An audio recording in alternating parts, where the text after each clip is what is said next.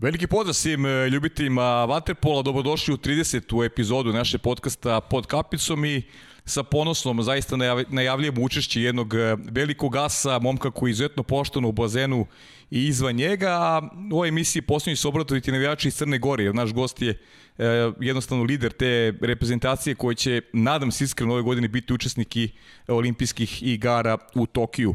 E, uspeli smo nekako da se organizujemo, verujem na radost mnogih i drugih poklonika ovog sporta, jer ćemo imati prilike da prođemo kroz izuzetno bogatu karijeru, a o kakvom e, vaterpolisti se radi najbolje e, svedoče naše prethodne emisije u kojima je od eminentnih gostiju etiketiran kao jedan od najboljih na svetu, na svojoj poziciji, e, tako da ubiđe se da nas čeka jedna epizoda za e, uživanje.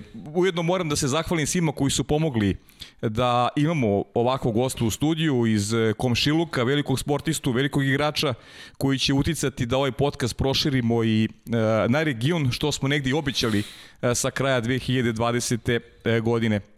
E, malo je sportova zaista u regionu gde su i Srbija i Crna Gora i Hrvatska velike sile, a u a, Waterpolu to svakako jesu. E, Crna Gora je usput na pripremama, na nekim mini pripremama u Srbiji. E, sa reprezentacijom Srbije se priprema za e, olimpijske kvalifikacije koje će se održati e, u Rotterdamu i kažem, držimo im fige da budu uspešni i da e, se i plasiraju na, na veliko takmičenje u Tokiju ove, ove godine.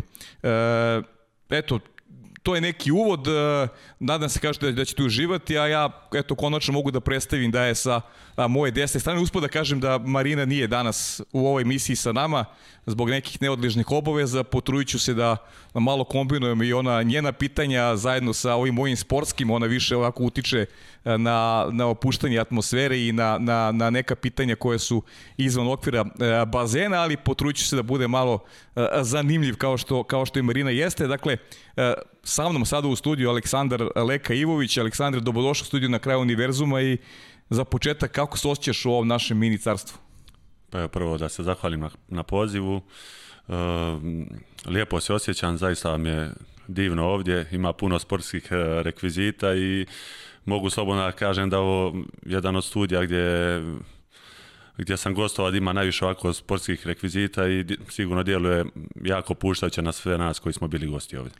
E, I zahvaljujem ti se na lijepom uvodu i najavi u emisiji potpuno si zaslužio, nema, nema na čemu. E, ne znam, ne znamo se ti ja, upoznali smo se bukvalno danas, znam te iz priče, meni se odomaćio taj, taj nadimak Leka, toliko puta sam ga čuo u ovom studiju, jer ja gotovo da nema igrača koji u nekoj konkurenciji za najbolje ne kaže Leka Ivović je među najboljima i e, eto i zbog toga delim zadovoljstvo što si ovde, a kako tebi, kako tebi zvuči ovaj, što te kolege vaterpolisti konstantno stavljaju u taj kontekst jednog od, jednog od najboljih igrača u, u, u ovoj igri.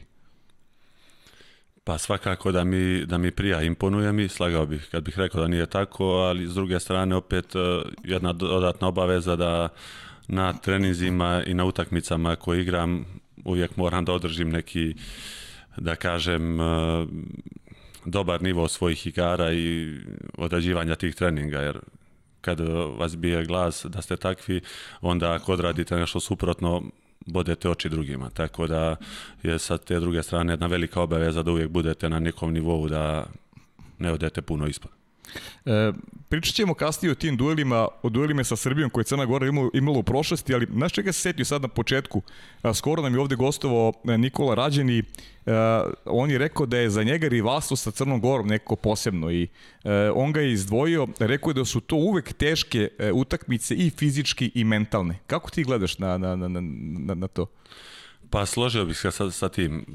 Mislim, uh, ajde da krenemo od uh, odvajanje te dvije mhm. države, znači prvo veliko takmičenje bilo finale Srbija i Crna Gora.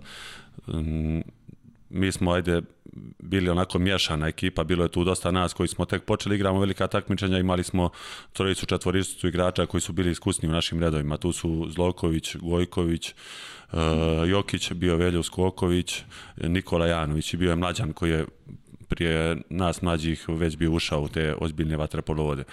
Uh, e, ja mogu da kažem da smo mi na tu ekipu gledali kao na idole i na neke naše mentore. Ja sam imao prilike da odradim jedne pripreme, budem na jednom svjetskom kupu prisutan sa tom starom plejadom e, srpskih vaterpolo tako da je sa te mentalne strane nije lako da se vi pripremite za nekoga koga izuzetno poštujete, a opet i oni su u svojim redovima imali dosta igrača moje generacije s kojima sam ja dijelio dobro i loše kroz te juniorske nastupe za reprezentaciju, tako da maltene ste igrali protiv najboljih prijatelja, ljudi koji zatno poštujete i u bazenu i van bazena, zato izdvajamo to da nije bilo lako sa te mentalne strane. A opet u bazenu vrhunski igrači, fizički, fizički su bili izuzetno teške utakmice, e, dosta smo se dobro poznavali i znali smo da će uvijek te utakmice biti na go maksimalno dva za neku ekipu. Znači, morali ste da držite visok nivo koncentracije tokom e, cijele utakmice, što, što nije lako i mislim da je malo ekipa i malo to rivalstvo, ko što smo ih mi imali, da se tako dobro poznaju i da je tako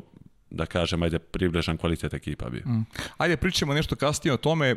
Ajde, sad ću za početak prvo da malo aktualizujem e, e stvari. Leka, vama je glavni cilj ove godine plasman na, na olimpijske da. igre u Tokiju. E, čeka vas turnir u Rotterdamu. Znamo da ste na početku u grupi sa Hrvatskom, Grčkom, Brazilom. E, koliko je hendikep što se taj turnir nije odigrao prošle godine kada ste bili u sjajnoj formi, osvojili ste i, i evropsku bronzu. A, uh, koliko ste spremni, da li očekuješ da, da Crna Gora obezbedi plasman na, na olimpijske igre? Tamo vam, je, tamo vam je realni mesto, ali to treba potvrditi u bazenu. Pa ne mislim da je, da je lošije što se igra ove godine. Uh mhm. -huh. Eto, možda smo ja i Draško stari za godinu dana, da.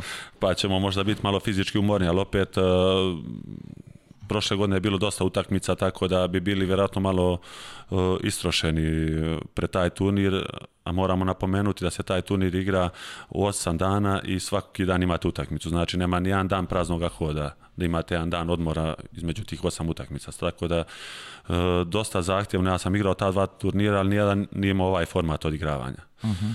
Tako da nadam se to da ćemo se dobro pripremiti ove godine zbog korone nema toliko utakmica, tako da smo već na okupu od 21. decembra. Uh, već smo eto proveli dvije po sedmica zajedno, ovdje smo na mini priprema sa reprezentacijom Srbije, idemo u Debrecin, poslije igramo svjetsku ligu poslije par dana opet idemo po klubovima, onda se opet vraćamo u reprezentaciju, tako da ćemo imati veliki vremenski prostor da se pripremimo za ono što, što nas čeka, tako da bi ja na sve ovo gledao kao sa pozitivne strane i nadam se da, da ćemo obezbijediti tu vizu za olimpijski igre, što je svakako imperativ u, u ovoj fazi sezone. Uh mhm. -huh. e, imamo veliku pomoć u našoj dragoj Aleksandri Milošević koji koja se uvijek dobro pripremi, devojka koja obožava vatripoli i stvarno ima E, super zanimljiva pitanja, pa će ću jedno da iskoristim i sada e, dok pričamo o reprezentaciji. E, da li i dalje Aleksandar Ivović želi da se oprosti od reprezentacije posle olimpijskih igara u Tokiju?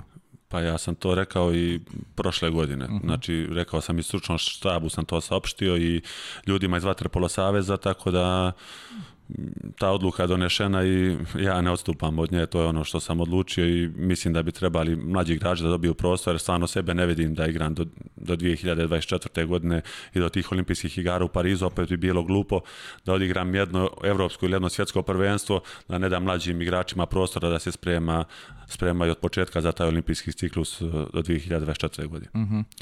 e, ajde, pričamo i kasnije, vraćamo, vraćamo se posle ponovo na crnogornu prezentaciju, e, verujem da si gledao gledajući podcaste video da Marina i ja volimo sve vas da vratimo ovako u detinjstvo, da, da malo e, prožmemo i te, i te dane kada ste počinjeli svoje karijere, ti si, ti si iz Baošića, ali si e, vaterpolom počeo da se bavljiš da, u Herceg Novom, nekako je Herceg Novi asocijacija za vaterpolo, e, pa ajde ne mora to često bude i presudno kada je kada je izbor sporta u pitanju šta je šta je Leku Ivovića odvelo u, u, u, u, u vodu.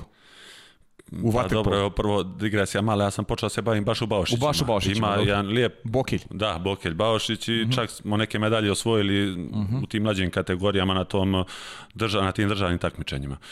E, mislim da po prirodi stvari je nekako bilo Uh, od, predodređen sam bio da krenem tim putem jer već va, uh, moj brat se bavio vaterpolom, mhm. mm. sestra takođe igrala par godina, jer smo imali žensku ekipu u Baošićima. Mm svi moji drugari iz Baošića komšije su napravili par vaterporo koraka, neko je krenuo ozbiljnije, nekome je to bilo onako hobi i nek, druženja su sva bila vezana nekako za taj bazen, nama je to bilo ono stecište, tu smo se skupljali.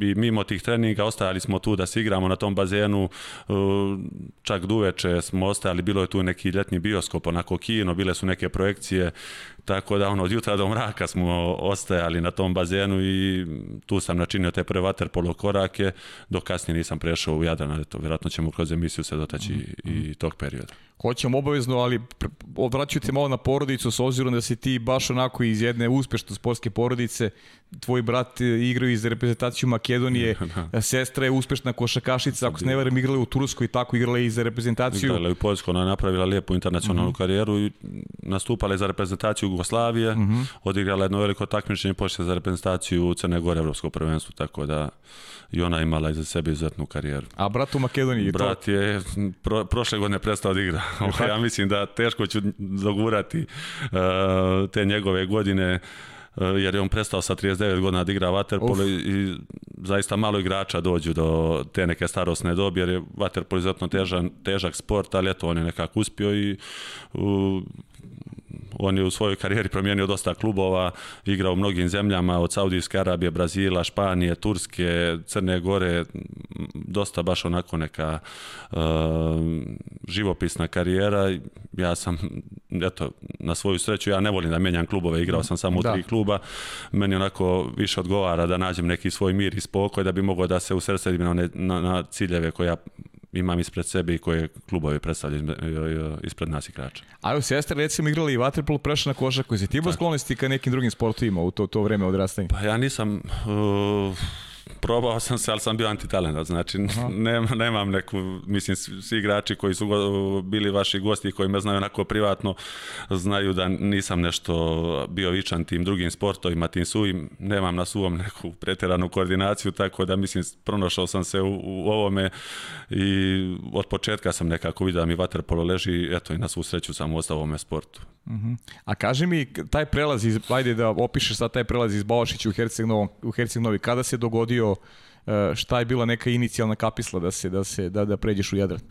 I ko je bio u stvari taj pa inicijalna evo, kapisla? Ovako, spomenuo sam da smo mi sa tom lokalnom ekipom iz Baošića e, bili drugi na jednom državnom prvenstvu mladića do 12-13 godina, tako uh mhm. -huh. mislim. Baš se to ljetnje otvoreno prvenstvo Jugoslavije igralo u Baošićima i u finalu smo izgubili od ekipe Partizana, uh mhm. -huh. E, u kojoj je bio Fića, Zoki Milenković, Avra i, i to je ekipa, to njihovo godište, mislim nije izgubilo nijednu, uh mhm. -huh. nijednu utak, utakmicu u tom godištu. Uh, E, tako da sam zapao za oči, da kažem, tim trenerima iz Jadrana koji su vodili mađe selekcije. I uglavnom, svako to mjesto je imalo svoju ekipu u tom ljetnjem periodu. I Baošić, i Bijela, i Đenović, i Kumbor, gdje smo onda, eto, ja samo mislim da su Baošić i Bijela imali zimske termine na, e, na tom bazenu zatvorenom u Igalu. Mi smo tri ili četiri puta imali organizovan prevoz, išli smo i trenirali zimi i Bijela također. Tako da nekako ono po prirodi stvari e, treneri su nas znali iz, iz, iz Jadrana i onda su kontaktirali ili nas ili roditelji ili uprave tih lokalnih klubova da bi željeli da mi dođemo u njihove redove i naravno tu nikad nije bio problem jer se zna za, da je za dalji prosperitet igrača i za neki napretak najbolje bilo za, za obje strane da se, da se pređe tamo i tako sam ja mislim sa 13 ili 12 godina prešao u, u Jadran i počeo da igram za njihove mlađe kategorije. Mm -hmm. Napravit jednu digresiju pošto pričao si da si iz Balašića za Bokelj, znamo, je li tačno da si čak i kasnije kada si napravio profesionalnu karijeru znao da se vratiš u Balašić i da odigraš za Bokelj letnju, letnju ligu. Vidim da si se informisao jako dobro za emisiju Čak sam jednu utakmicu odigrao, bio sam na svadbi, mislim da se Aleksa, Aleksandar Radović ženio i oni su me zvali, trebala im je pomoć, ja sam se onako rekao poneste mi samo peškir i kupaće, otišao sam sa svadbe na sat i po, odigrao utakmicu, vratio se opet na svadbu. To je bila ta, mi je zovemo ljetnja liga, ali to je ono divlja liga, tu ima svačega, meni je to bilo zanimljivo da, da odrastam u toj ligi jer naučite neke trikove, dobijete bezobrazluk, drskost, mm -hmm. tako opet je veliki rivalitet između tih mjesta i onda po poslije tih utakmica se ne završi samo na pobjedi, nego poslije bude i zezanja, odlazaka u te lokalne kafiće, stvaraju se priče, romani oko toga, tako da kad god sam mogao, igrao sam uh, za taj lokalni klub i mislim da je to baš bilo poslije svjetskog prvenstva 2013. u Barceloni. Da, i ta to, utakmica. Da, još ste bili uspješni u Barceloni. Da, da, da, da, da. znači, očvrsnula te ta liga. Znači, ima... Svaka, ima... Svakako. Mislim, ja sam u Bokelju igrao za sve selekcije kad sam mm -hmm. bio tamo. Znači, od tih najmlađih do, do najstarijih. Gubio sam neke utakmice po 40-0 kad sam počinjao od uh, ekipe Jadrana. Tako da mislim da svaki igrač uh, u njegovom odrastanju jako bitno kad počinje da igra i protiv starih. Mm -hmm. Jer onda mislim da taj put napretka je dosta, dosta brži. Uh mhm. -huh. e, shvatili smo Marina ja ovde da, da je mnogo važan taj, taj period odrastanja kad treba da se steknu radne navike, da se prebrodi u glavi da treninzi prosto ne smiju da se, da se propuštaju. Kako se nosio ti sa tim u, u, u, u tom periodu odrastanja? Ja sam imao tu sreću da me vaterpolo onako odmah primi pod svoje. Uh mhm. -huh. I odmah sam se zaljubio u vaterpolo. Uh, i ja kao mlad sam shvatio da bi to mogao da bude moj poziv tako da sam onako sa velikom dozom sreće odlazio na te treninge i nisam puno treninga propuštao, imao sam i te sreće naravno da nisam imao puno povreda tokom karijere i nisam se puno razboljevao da kažem u toj nekoj adolescenskoj dobi, tako da jako je to bilo teško, ali opet na drugu ruku e, kad vidite da dolaze rezultati i kad od malena krenete da osvajate medalje, mislim to je svakako jako bitno da vam da neki motiv da vi nastavite tim intenzitetom i sa to voljom da trenirate. Ja sam imao tu sreću tako da nisam na, na to gledao nešto što mi je toliko, toliko teško baš puno padalo. Mhm. Uh Znači, navik neko si uspevao da uskladiš to i ono što su obaveze neke u školi i što je pa, obaveza dobro, na treningu. Pa dobro, napomenuti da svima nama su sigurno i nastavnici, kasni profesori no. Da. izlazili susret. Ja sam dosta propuštao u školi časova, pogotovo kad sam bio pri prvom timu Jadrana, išao sam popodne u školu, pa sam dosta puta znao da idem posle trećeg časa, časa oko 3-4, mhm. da bi stigao iz Tivta, da ja sam išao u, tiv, u Tivat u školu, da bi stigao na taj večernji trening, već sam sa 16 godina, mislim, ili nepunih 16 krenuo da treniram dva puta dnevno. Mm -hmm. Tako da, nisam baš bio ni neki vrhunski đak, da se ne lažemo, a, vjerojatno zbog e, svih tih propuštenih časova, ali opet e, kad su dolazila ta neka ispitivanja u školi, profesori ako bi vidjeli da nisam dovoljno pripremljen, znali su da zažmure na jedno oko i da upišu neku ocjenu koja bi me kasnije poslala u taj drugi razred. Uh mhm. -huh. e, se sećaš e, leka debija za, za Jadran? Kakav je osjećaj bio Si častio drugari iz škole tada? Na, bila je tu jedna komična scena. Ja, Aha. debitovao sam na Tašmajdanu protiv ekipe Zvijezde. Uh mhm. -huh. Imao sam 16 i po godina. Mislim da je neposredno bilo pre moj 17. rođendan. I poveli smo, trebala da bude neka teška utakmica, ali eto, desilo se da smo se mi odvojili na 4-5 razlike i Borobić mi je rekao na pola utakmice spremi se kao ućaš. Ja, ok, ok, onako napet sav, čekam svoju šansu na klupi i mi smo bili u tom momentu na tašu na onoj dubljoj strani gdje je skakaonica. Uh mhm. -huh. I on mi kaže, uđi, ja sam bio prvi put na tašu, nisam znao, iskočim kao iglica neka, nemam pojma i odem do dna a već su oni, jer smo dali go, protivnička ekipa krenula da napada sa, sa centra i mene nema 5-6 sekundi, ja izranjam, izranjam, nema, nam, nema me, o, o, njihov krilni igrač ostao sam, na svu sreću nije dao go, on gleda šta je s tobom, šta ti se dešava, ja rekao pa nisam znao, kao otišao sam do dna i on kaže ajde igraj, kao nema veze i ja mislim da sam odigrao 5-6 minuta te utakmice, na kraju sam dao i neki go, tako da ispalo sve ok na kraju. Zadovoljan si da Zadovoljan da, samo si tih, osim tih početnih minuta vodnih.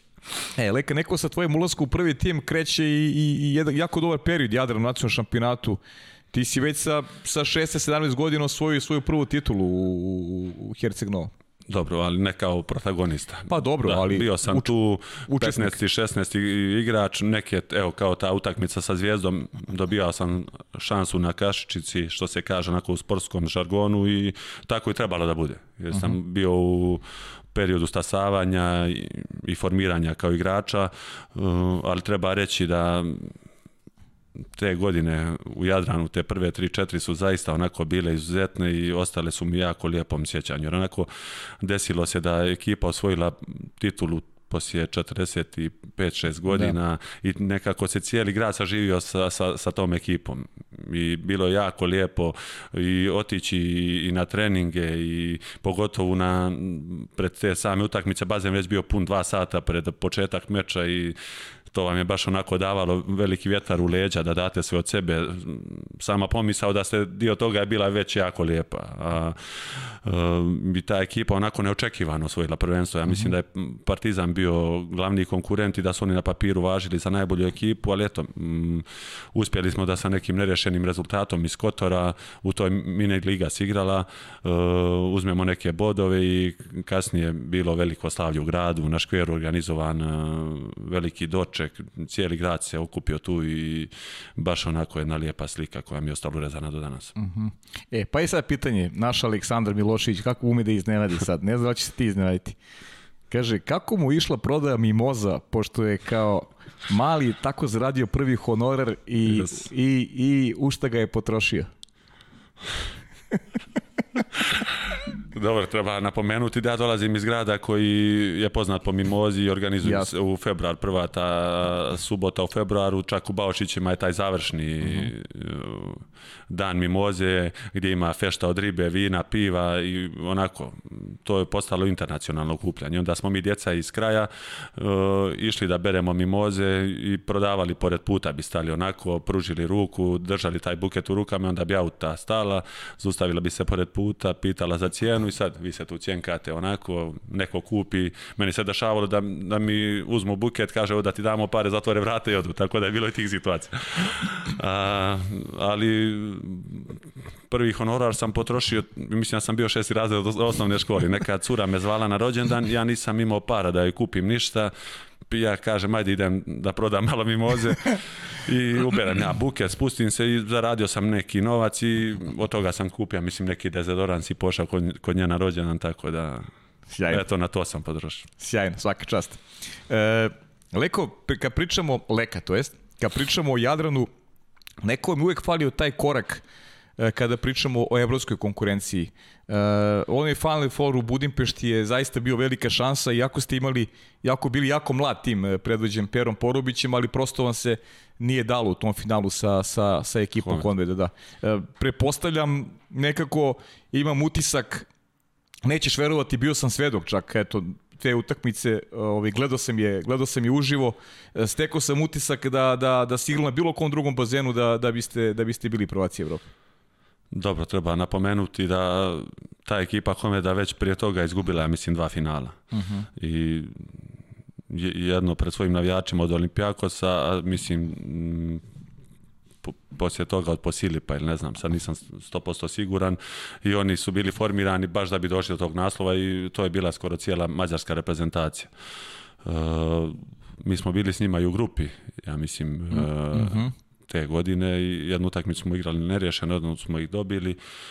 E, naša ekipa je zaista nekako, znate ono kad legne e, sve na, na, na, svoje, igrali smo zaista vrhunski, e, velika su očekivanja bila, eto, dobili smo i polufinalu i vrhunsku ekipu Šturma, koja je bila sastavljena od e, samih ruskih reprezentativaca i par naših internacionalaca i mislim da smo to riješili u svoju korist 5-3, poslije došlo do finale, mi smo do pred kraj treće četvrtine, ja mislim uvijek vodili, ja nisam bio, da napomenem, u, u ekipi, sa tribina sam, bio sam prekobrojan, mm -hmm. mislim da od mlađih igrača sam Andrija bio u sastavu, mm -hmm. Andrija Parlinović. E, I čak ja mislim u polufinalu e, je dao go ili je napravio neku lucidnu akciju, sjećam se,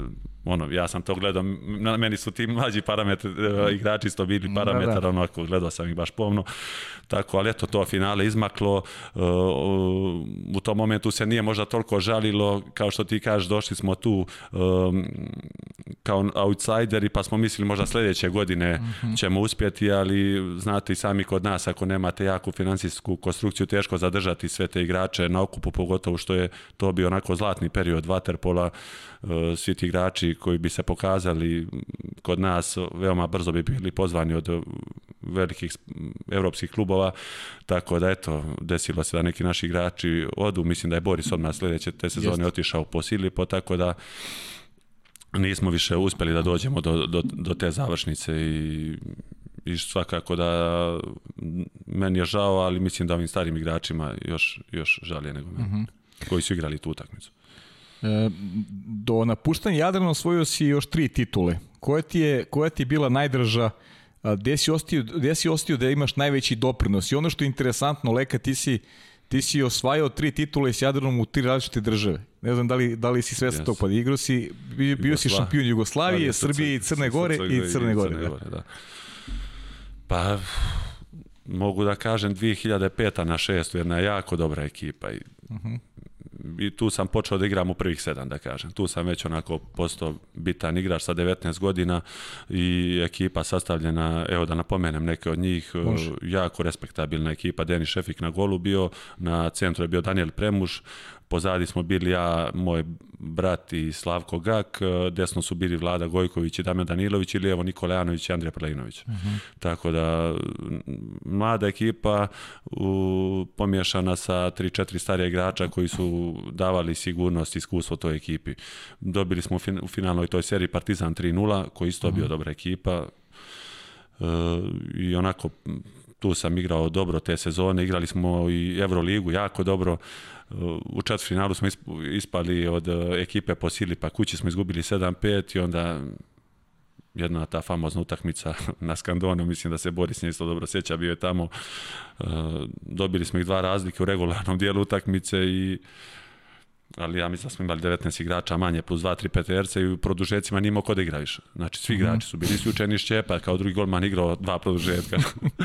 znači, i tu smo, tu nas opet nisu uspeli da nas pobjede, nego smo odveli utakmicu na PTR-ce, ali na kraju smo izgubili. Na I tu mi je žao što nismo otišli na taj Final Four, jer mislim da je ta ekipa te godine igrala jako, jako dobro i nije imala jedan pad tokom cijele sezone i Sad, šta bi bilo kad bi bilo, u sportu je to glupo pričati, ali eto, kao što si me ti pitao na toj nacionalnom nivou, to jedna od najdražih titula. Mm -hmm. e, samo da kažem, Blago Ivović, tvoj brat, da za one koji koji ne znaju, nismo rekli ime i sestra Marijana Ivović. Marijana, da, čisto da Evo čisto... da kad mhm. si mm -hmm. već nju spomenuo, mm -hmm. ona igrala vaterpolo, poslije prestala. Uh, i nju je primijetio Milan Dabović, e, otac Aha. od e, Ane i Milice, mhm. jer on, oni su odrađivali treninge u školi gdje ona je išla u toj, toj sali i onda je vidio da je onako po konstituciji predodređena mhm. za, za košarku i prišao i rekao je daj kao dođi da odradiš par treninga, imaš predispozicije, Mm, nema veze koliko imaš godina, kao uz te predispozicije tebi ne treba puno rada, napravit ćemo tebe nešto. I onda se ona lomila, oće, neće, malo smo pričali kući, ja manje, jer sam bio dosta mlađi od nje, 7 godina, ali otac je rekao, pokušaj, pa ako vidiš da ti ne ide, da ti se ne sviđa, prestani. I tako je ona krenula, baš na njegov nagovor. Uh mhm. -huh. E, idemo sad, Leka, sel, selimo se u 2010. godinu kada ti odlaziš upravo, le, pardon, u prvo Reko, veliki organizovani klub, E, sa neke strane sličan život, s obzirom da je Gradić na moru, mada je Herceg Novi kudi kamo veći i lepši. Kako si je snašao u startu sa e, tim velikim brojem vaterpolo zvezda sa pritiskom koji si mora da nosiš kao jedan mlad čovek, kao opet u sistemu koji je najjači na svetu, realno? Dobro, to je došlo kao poziv, po, jer sam imao zaista dvije, tri dobre sezone u Jadranu osvojili smo opet neke e, domaće titule, Adransku ligu i oni su me već zvali tokom to sezone i Boris je onako učestvovao u tim pregovorima sa mnom, ja nisam dobro pričao italijanski jezik, u stvari skoro ga ništa nisam ni pričao i on je bio tu neki posrednik naš. I brzo smo se dogovorili, ja sam onako sanjao, igrali smo par puta i kroz e, te grupne faze Liga šampiona protiv njih i znate onako kad čujete ko sve tamo igra, pa mm kad dođe onako lijepo svi obučani, oni su nek, uvijek imali neke sakoje, djelovali su više kao neka futbalska ekipa, pa ono, mladom igraču uvijek to ono upadne u oči, sav taj neki... Uh, Glamurnik. Glamur, da, to vas privlači. Tako da sam ja otišao tamo, imao sam veliki pritisak, e, jer je Vanja Udovičić, ja mislim, otišao da igra u ekipu Zagrebačke mladosti, onako se kao nametalo da sam ja došao tu mjesto njega. On je za mene uvijek bio jedan od najboljih svjetskih igrača, tako da e, sam imao pritisak da opravdam to i bilo mi je na umu onako da ajde, prvo da se pokažem u tim domaćim šampionatima jer su to uvijek osvajali onako. I to je mhm. bilo pod moranjem, da se taj domaći kupi domaće prvenstvo osvoji, tako sjećam se pred e, finale play-offa da to je jedna od najvećih trema koju sam imao. Poveli su nas u jedan hotel onako iznad e, reka da se izolujemo. Dva dana smo bili tu u karantinu, malte nisam ni spavao. Znate, ono znojevan se, dlanovi, uh mhm. -huh. zatvorite oči, zamišljate te protivnika protiv kojih treba da igrate. I eto, osvojili smo na kraju to domaće prvenstvo u finalnoj seriji, ali bilo je svačega. Čak i Boris dobio nekih udarac, bilo je isključenja s pravom zamjene, bez prava zamjene, baš onako protiv sa Savone bilo i to je derbi Aha. tamo ligurijski. Mm -hmm. Tako da je, da, da je bilo svega, ali eto, na kraju smo uspeli da, da izađemo kao pobjednici i te godine smo izgubili finale Liga šampiona od Partizana u Rimu. Aha, u Rimu. Tako da, da eto, nije uspješno završena godina, ali eto već sljedeće godine sam uspio da, da. da. taj trofej osvojim sa, sa Prorekom. Da, on, ono što je, da, ono što je sigurno kad pričamo o Proreku, te je pomogla činjenica i tog prilagođavanja što si uvek imao s kim da pričaš. E, to sam da, da kažem. Da, imao da. si s kim da pričaš uvek, a da, da, da nisu u pitanju italijanski igrači. Stalno su se bila neka promenada igrača svojih prostora, što iz e, Crne Gore, Srbije, Hrvatske. A pa to sam zaboravio da kažem, eto da nastavim ono prošlo pitanje, pitao si me koliko mi je bilo teško da se adap, da mhm. adaptiram mm -hmm. na tu ekipu, da li sam i prema toj ekipi osjećao neki dodatni mm -hmm. pritisak, jer to je bio najprvo rekao koji je bio sastavljen od vrhunskih igrača. To je, mm -hmm To su bili sve sami reprezentativci, što španski, što mađarski, što hrvatski, što srpski, što italijanski. Znači, i uvijek je to bilo 16-17 igrača, znači vi kad odete tamo, ne znate da li ćete igrati utakmice, znači morali ste da se izborite za, za mjesto u timu. E, ali opet bilo mi dosta lakše jer sam mogao neke stvari koje su me mučile da podijelim e, sa ljudima koji dolaze e, sa, iz ovog regiona, nisam imao tu jezičku barijeru. Tad, te moje prve godine su tu bili Filip Filipović, Boba Nikić, Boris Loković, uh, Damir Burić, ja mislim. Mm -hmm sad ne vjerujem da sam nekoga zaboravio, tako da mi smo se dosta onako privatno družili, e, bili smo dobri prijatelji, oni su mi dali neke upute e, na šta bi trebao da obratim pažnju, kako bi trebao da se ponašam, tako da su mi dosta, dosta odlakšali tu adaptaciju u reku tih prvih godina. Uh mhm. -huh. e, već si rekao da si već drugoj sezoni osvoji Euroligu, e, ono što se jadralo nisi uspeo, pa ajde malo da mi evo, onako evociraš E, te uspomene, kako pamtiš ti tu sezonu, ili ima nešto upečatljivo čega, čega se sećaš kad je u pitanju tvoj prvi veliki trofej koji si, koji si osvojio? Pa ja mislim da u to, te godine Euroligu su igrala samo dva Italijana. Ja mislim Mauricio Ferlugo i Stefano Tempesti. Ovo su ostalo sve bili stranci. Molina, Perone, Benedek, Kašaš, Madaraš, e, Andrija, Duško, ja, Boris. E, znači, malte ne se u bazenu priča srpski jezik, ne znam. Da, da. Tako da, i ajde, osim tog primorja nismo, nismo imali nekog velikog favorita, bili su tu mladosti i vašaš, ali nisu bili na tom nivou. Znači, baš je bila, baš je bila velika razlika u kvalitetu. E, primor je onako imalo isto respektabilnu ekipu, ali nisu imali klupu koja bi mogla nas da isprati. Tako mm da mhm. nekako se podrazumijevalo da bi mi taj trofej trebali da osvojimo i taj Final Four je bio u Rade i dobili smo tu utakmicu, dva, tri gola razlike i pamtim to po onako jednom velikom, velikom slavlju i bio sam jako ispunjen jer poslije tog poraza godinu dana prije, prvi put mi se u karijeri desilo, ja dolazim s ovih prostora gdje se su se svi ti porazi onako nekako tragično mm. shvatali, uvijek ste bili pod nekim oranjem, moramo da dobijemo radi ovog sponzora ili moramo da dobijemo da bi sljedeće godine mogli da zatvorimo budžet i desilo mi se da poslije tog poraza od Partizana da nas je opet predsjednik poveo u taj hotel je trebala eventualna fešta. Mm -hmm E, je trebala eventualno fešata povodom osvajanja da bude organizovana, sve se to desilo kao da smo mi osvojili, on je održao zdravicu kao momci, daj dignite glave, e, nije problem što smo izgubili, nije lako biti ni drugi u Evropi. Sam ja ono, šta se ovo dešava, kao, obično mm -hmm. sam mhm. navikao da, da te kude, da te napadaju, da svi bolje znaju gdje si ti pogrešio nego ti sam, tako da, i onda me baš više zabolio taj poraz nego ono da, kad vam neko prebacuje, jer mm -hmm Niko više ne želi od igrača pobjedi utakmicu nego sam igrač, makar ja tako mislim. A kod nas onako uprave klubova desi se da dosta tragičnije to dožive nego sam igrač. Mm -hmm. Vjerojatno ja znam da je ovdje teško i uh, naći pare za waterpolo, waterpolo nije profitabilan sport, ali uh, uvijek tu bude sastanaka, tenzija, mimo onoga što same tu takmice nose. Tako da, eto, baš sam htio da sa prorekom osvojim e, tu ligu šampiona i zbog tog samog osjećaja koji sam doživio na toj večer i, i desilo se da tako bude godinu dana poslije.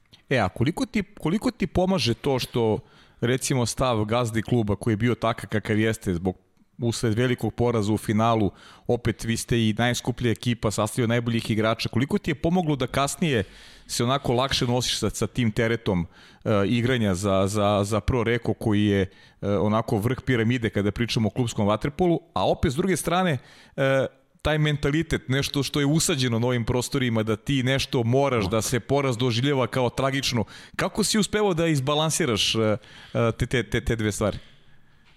Pa mene nije bilo, ja nisam jedan od igrača koje guljuljka ili opusti taj ambijent. Mhm. Došao sam s ovih e, strana, vidio sam jedno i drugo. Uh mhm. -huh. Tako da eto, možda ta sredina je nekako najbolja, da se ne stavlja, kao što sam ti rekao, već dodatni pritisak pred same igrače, jer mislim da mi najviše želimo mm, da osvojimo trofej bilo koji, znači na kojem kod prvenstvu da igramo, želimo da, da dođemo do tog kraja, jer opet naj, najveći taj uh, rad i najveći taj umor koji damo tokom sezone damo radi tih završnih utakmica. Mm -hmm. Tako da eto, meni sve to tamo prija, ali opet možda se dešavalo da neki igrač koji je karakterno drugačiji od mene se opusti i možda ne da ono što bi dao nekim drugim okolnostima, možda bi on bio produktivni da je, da je trener ili gazda kluba drugačiji. To su sad onako tanka je linija i svi smo mi individuje za sebe i Sad, meni lično odgovara, možda drugo, drugim tipovima igračima valja neka druga strana. Uh mhm. -huh.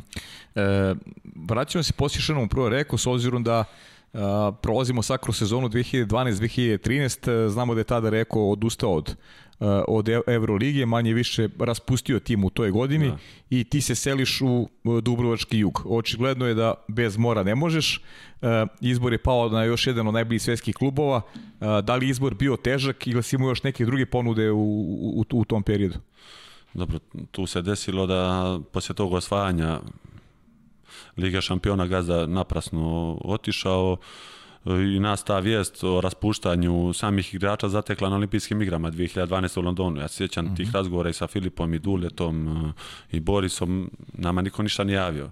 Maltene preko tih italijanskih igrača s kojima smo bili u kontaktu su rekli oni su nam dali informaciju da tražimo nove klubove, tako da nas je sve to tamo zateklo i zbog samih tih olimpijskih igara e, nismo se dali tamo u traženju tih klubova da bi zadržali fokus na ono zbog čega smo došli tamo. Tako da poslije tih olimpijskih igara kad smo se vratili kućama, ja sam ušao u pregovore sa par klubova i mogu da kažem da su najintenzivniji razgovori bili sa radničkim iz Kragujevca uh mhm. -huh. i sa ekipom Juga iz Dubrovnika ali sama ta priča djelovala mi onako instant to što je radio mhm. radnički i zbog toga nisam otišao tamo jako je ekipa bila vrhunska. Uh mhm. -huh.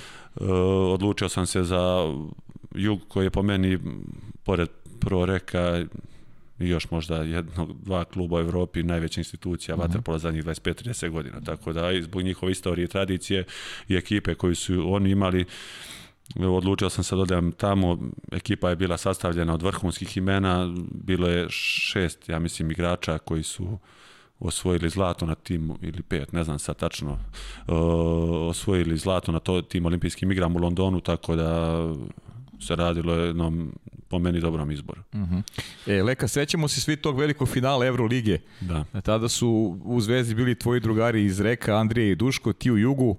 Iskreno, Jugi jeste slovio za, za, za favorita. Ja sigurno. Da. da e, kako ti bilo da igraš u ovoj atmosferi otvornog bazena Banjica, prepostavljam da je ta atmosfera negde i uticala na, na, na, na, na, na konačan ono što se ti dotakao, one utakmice Jadran Homed. Homed, tako je. Ja isto mislim da je ovo da se bilo gdje drugo igralo da bi mi pobjedili. Da, jasno. Mislim, pored ekipa ekipe Proreka u par sezona gdje smo imali vrhunski tim, ja mislim da ovo tim koji je bio jedan od najboljih u zadnjih 15 godina što se tiče tog klubskog uh, nivoa. Miho Bošković, uh, Maro Joković, Maro Nikša da. Dobud, e, Marko Bijač, ja Janović, Tonija Zavedo, Pavo Marković, bio Boris Pavlović centar koji je sa mhm. Primorcem osvojio ligu šampiona, tako da smo imali 10-12 vrhunskih igrača. Ehm, neposredno prije toga smo osvojili prvenstvo, a treba napomenuti da cijela ta sezona ima jedna anegdota vezana za Aha, tu sezonu, ajde. gdje smo mi već izgubili bili eh, Jadransku ligu i kup Hrvatske od mhm. ekipe Primorja, koja je jako bila dobra ekipa i Đuho je bio trener i mi idemo da igramo jednu utakmicu grupne faze protiv Galatasaraja i on meni govori dižemo se onako da uzmemo prtljak I kaže meni Leka, bojim se da će ovo da, da bude prva sezona bez trofeja i meni, a i tebi. ja govorim, a nemoj, veseline, daj. Ostalo još ovo, da igramo domaće prvenstvo i Euroligu, vidjet ćemo. Onako, eki, bio poljula mora, mora, moral ekipe, Se očekivali veliki rezultati, a već dva izgubljena trofeja. Veliki igrači izgube samopouzdanje kad ne idu stvari onako kako trebaju. I onda smo se desilo to da smo osvojili prvenstvo i opet se nekako vratila vjera u ekipu. Jer Primorje zbog ova dva trofeja koja su već osvojili su važili kao favoriti, ali to mi smo tu prvu utakmicu tamo ih dobili i onda opšte je poznato da u Dubrovniku se teške utakmice gube zbog da. veličine kluba, opet smo imali vrhunsku ekipu i otišli smo onako silno motivisani, mislili smo stvarno da možemo da osvojimo smo, smo zvijezdu u grupi pobjedili jednom četiri razlike, jednom 6-7. Mm -hmm. Bili mhm. smo u istoj grupi te godine mhm. u Ligi šampiona, ali atmosfera je bila fenomenalna.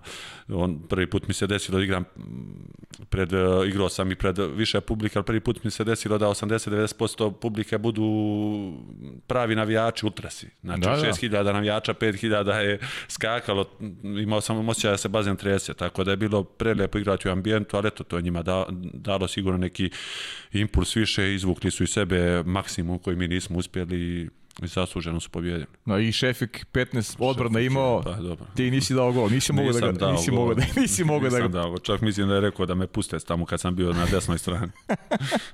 Sve o svemu nosiš lepe utiske iz Dubrovnika. Pa prelijepe, prelijepe mm -hmm. i mogu da kažem da imam dosta prijatelja s kojima sam i dan danas uh -huh. u mhm. kontaktu. E, eto, Nikša Dobus, s njim sam tamo ostvario najbolji kontakt, da kažem, od tih igrača s kojima sam igrao i s Markom Bijačem. Uh mhm. -huh.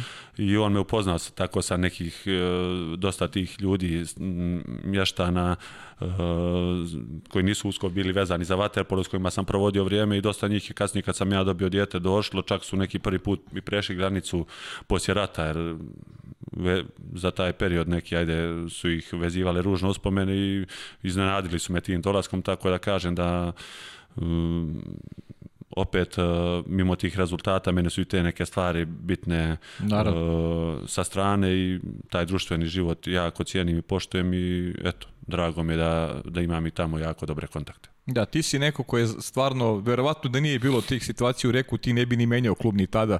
Neko ko je onako postojan, Jadran, Jadran i Reku su neko obeležili tvoju karijeru nakon te godine u Dubrovniku, vraćaš se opet u staro okruženje, očigledno da ti negde i taj mirni, miran život u Italiji prija. Eh, ja iskreno verujem da je bilo tokom godina i nekih drugih ponuda, ali ti si bilo je, bilo. ostojao.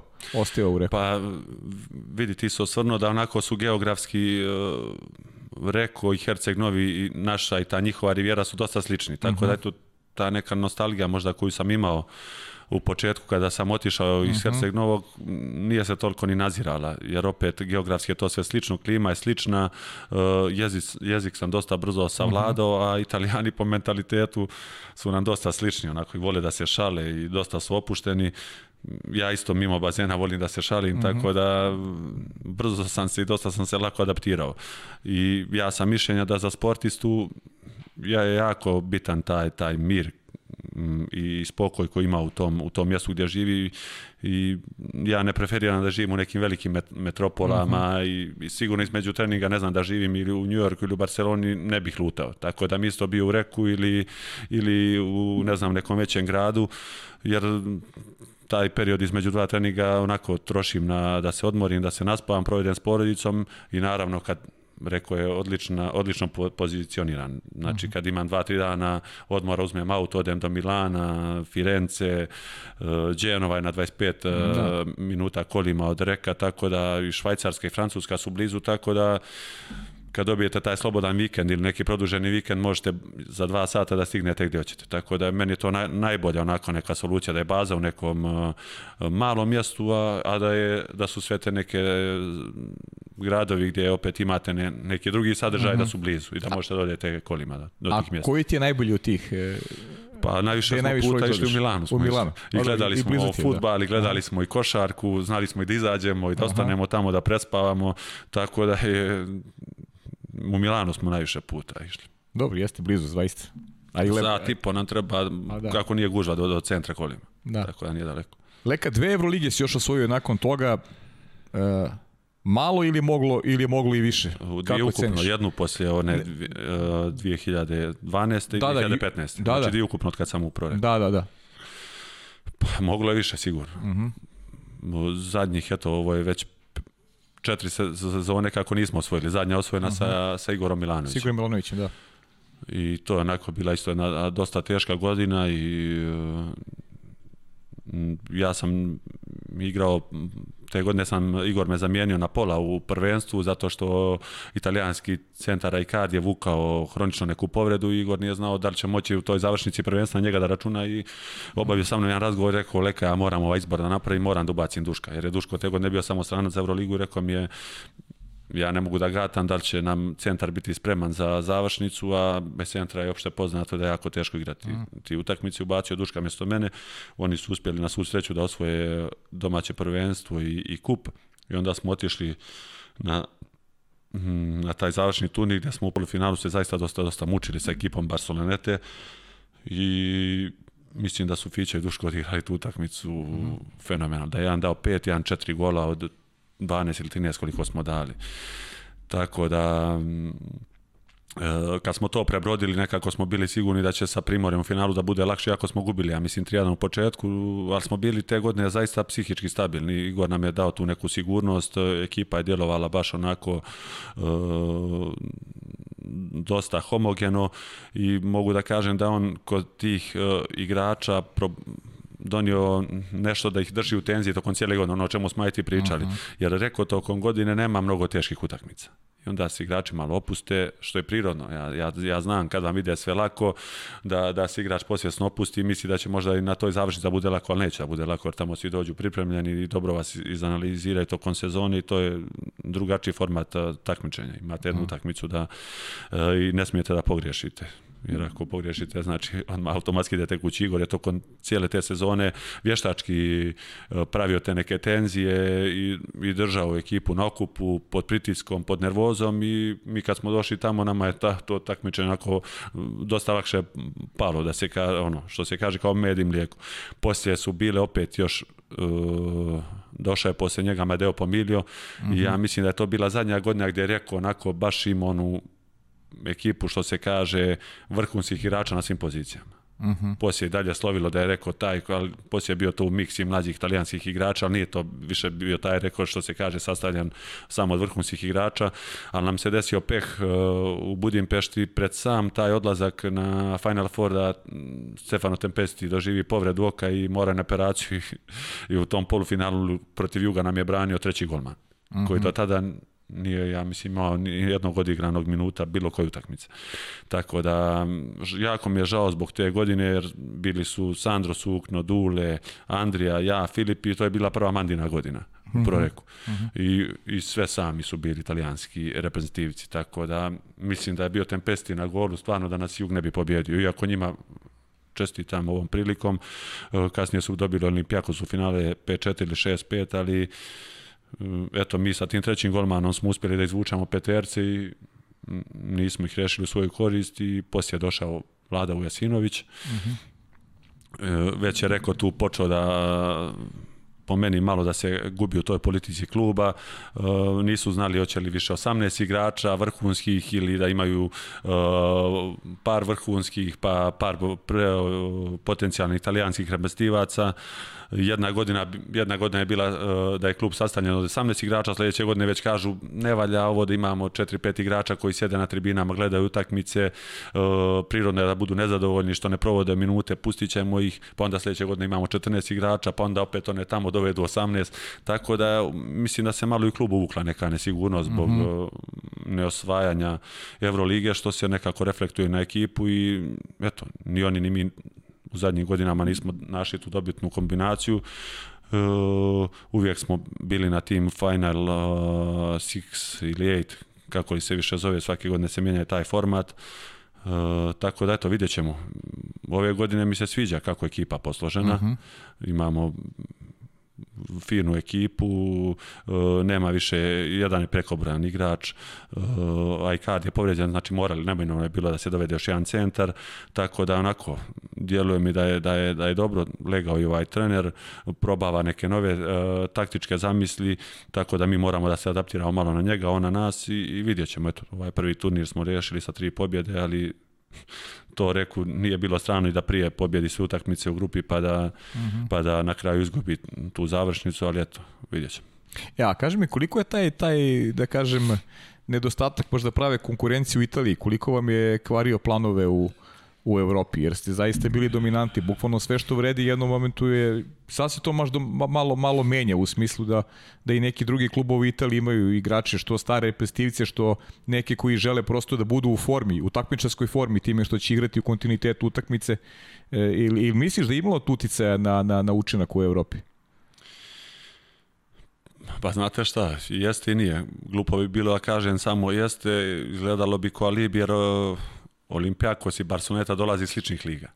Da. Nemaju konkurenciju, a, a, a osvojili su Euroligu. Da. Tako da sve to zavisi od onoga od čega ekipa sastavljena, od trenera i zato kažem, uh, Eh, da možda u nekim momentima treba da se izazove neki problem koga nema da bi se ekipa probudila. Mhm. Znači to ona vještačka tenzija što sam rekao da je mhm, Igor Milanović pravio tokom sezone da bi se ekipa trgla, eh, da bi prolazila kroz taj stres koji se igračima dešava kad mhm. odu na taj završni turnir. Tako da mm, ne znam tačno koji bi moj odgovor bio. E, sigurno da je bolje imati jaču ligu, igrati non stop teške utakmice tokom sezone, ali pokazalo se da neke ekipe mogu da rade i, i, i, mm -hmm. i mhm. drugačije. Jel, imaš dobra iskustva iz, iz te saradnje sa Sigurom Bilanovićem? Da, da. Mm -hmm. Dosta sam stvari od njega naučio, pogotovo kako se vodi ekipa koja je sastavljena od vrhunskih igrača, gdje ona sve nas onako gledao jednako nije odvajao nikoga. Mm, bilo je svakako njemu teško, morao da promijeni mentalitet mm -hmm. igračima, to mu je pošlo za rukom i onako, dosta mu je taktika bila uh, jednostavna, čak od nas bekova nama je bilo najlakše. Rekao nam je samo stanite na lijevo rame, probavali smo tu neku zonu koja karakteriše taj njegov trenerski rad i, i to je do, donijelo rezultate, ali mimo te taktike treba napomenuti da je on zaista e, vrhunski u tome da imao je par sukoba onako sa nekih par igrača, ali mm -hmm. to njemu ne utiče na to da li će taj igrač poslije da igra ili ne. Aha. Znači, ja znam da imao, bio sam prisutan da, da. sa par talijanskih igrača i na kraju ti igrači su taj uh, Final Six uh, odigrali jako dobro. Aha. Mhm. Tako da on zna kako da priđe igraču, kako da izvuče iz njega maksimum i to je jedna od njegovih uh, najboljih karakteristika. Mhm. Uh Sjajno. -huh. Aleksandra naša uvek iznenadi, traži da porediš reku i napulj. Boris će se naljutiti sad ako kažem nešto protiv napulja. Nek se naljuti. Uh, Pa meni rekao više odgovara. Iako kad odemo u Napolj, zaista tamo bude vrhunski provod. Ta, kad odete tamo, znači u restoran, mi uvijek ostanemo. Poslije utakmica smo igrači su slobodni kad se završi uh utakmica i, i tu se organizuje onako, u našoj ekipi uvijek je bilo napolitanaca u reku. I zadnjih uh godina i kad je bio Boris, uh, uvijek jedan ili dva napolitanca su bili. I, i u stručnom štabu je dugo bio Pino Porcio. Mhm. Tako da uh, kad bi otišli tamo, mm, organizovali bi se večere, znači tu buku u restoranima ja nikad nisam čuo. Znači, ja i ti sad na ovu udaljenost se ne, ne bi čuli kad bi pričali, e, deru se, pjevaju, konobar isto dođe nasmijan, a po, pogriješi vam naručbinu, ali to sve kroz smijeh prođe njima, nekako sve, sve tamo može i sve tamo dozvoljeno. Tako da taksist isto kad, kad treba da vas prebace od jedne lokacije do druge isto vas morate da budete spremni tamo i da ćete biti prevareni jer znate kako je priča vežu, vežu, vežu za, za napulj. Tako tako da meni je sve to jako zanimljivo, ali ne vidim se tamo da kao, kao neko ko bi mogao da, da, da živi i da radi. Lijepo mi je kad odem na 3-4 dana, osjetite jednu neverovatnu energiju koju taj grad ima i koju nosi sa sobom, ali kao što sam već rekao za neki sportski život, eh, meni reko na leži, ja Marta ne, auto tamo i ne parim, živim u samom centru, ti, ti si bio vidio yes, si, da. znači prodavnica je Martene na 10 korak od kuće, bazen takođe, taj neki kafe gde se mi okupljamo, tako da ne gubim vrijeme u prevozu i taj sjever Italije dosta onako povezuju za, za tu neku Njemačku i taj neki tamo mentalitet jer je tamo sve sređeno, jako je dobar standard i jako je skuplji život nego na, na jugu Italije. Recimo, vamo se dešava da Eh, sjever Italije plaća svuda one naplatne rampe na autoputu, a na jugu Italije mm, ima nekih mjesta gdje, gdje tih naplatnih rampa nema na, na tim autoputima, tako da je veliki taj disbalans u ekonomskoj moći sjevera i juga, ali za porodični život je dosta meni makar ljepše vamo. Ili planiraš da završiš karijeru u, u reku ili, ili će to možda bude Jadra? Pa, neki od ta dva kluba sigurno. Sigurno Sad vidjet ćemo. Ako mi rekao sigurno će prvi pik da mi bude proreko, da se ne mm. lažem. Ako mi, jer bi volio, po mene bi to bio onako najbolji mogući mm -hmm. završetak karijere. Ovo mi je već deseta sezona tamo. Aha. Uh, sad sam, sad mi ističu Nogi ugovor. si menjaju i samo leka ostaje. Samo, da. pa dobro, bili su, evo, ja se nadam da će Manda ostati koliko sam ja da. ostao. Da. Ovo njemu peta sezona i o, mislim da je ta budućnost kluba vezana za, za nje, usko vezana za njega i za Difulija i narednim godinama mislim da će se proreko bazirati na, na njih dvojici, pa će ovi ostali igrači popunjavati ta mjesta koja će da budu slobodna. Uh mhm. -huh. Ali volio bi, eto, već postoje neke naznake da bi moglo da dođe do produženja saradnje. Vidjet ćemo, eto sad ne znam ja koliko ću moći da igram.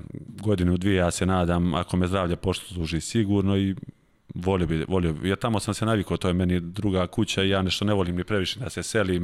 Mhm. Uh -huh. e, izaziva mi nekako stres sama ta selitba, da se pakujem, da nosim, ja za ovih narednih proteklih deset godina tamo imam mnogo stvari koje sam kupio, znači trebao bi mi sad jedan veliki kamion sve da to da sad da ponesem za, prorek, za, za Herceg Novi, tako da nisam spreman trenutno na taj poduhvat, eto i, i, i i zbog tih šampionskih ambicija, da kažem. Jadran trenutno nema mm -hmm. ekipu koja ide na trofej na toj uh, evropskoj sceni, a opet uh, ja sam neko koji i jedan od igrača koji kad od, da bi odradio trening moram da imam neki motiv za sebe. Mhm, znači mm, da, da, da imam neki cilj.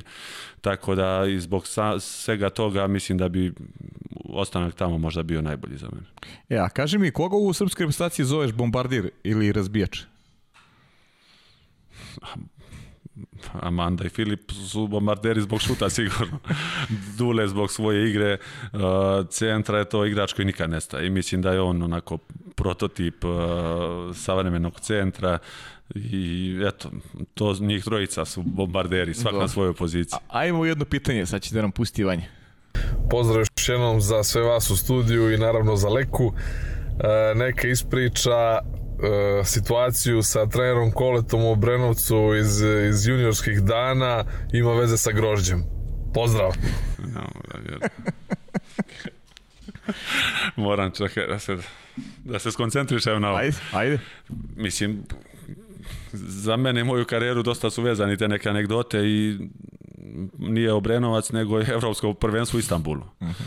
Ja sam, to je moja prva godina bila e, da sam došao u tu ekipu i odmah sam upao i, i ali sam uvijek bio pod stresom kole važio za jednog jakog mm autoritativnog trenera i uživao veliki respekt kod svih nas igrača i otišli smo u Istanbul i ono, nije se smjelo da se izlazi iz hotela, ali hrana ko hrana nije imalo tamo nekog prevelikog izbora, od piletine riže i grožđa za, za dezert.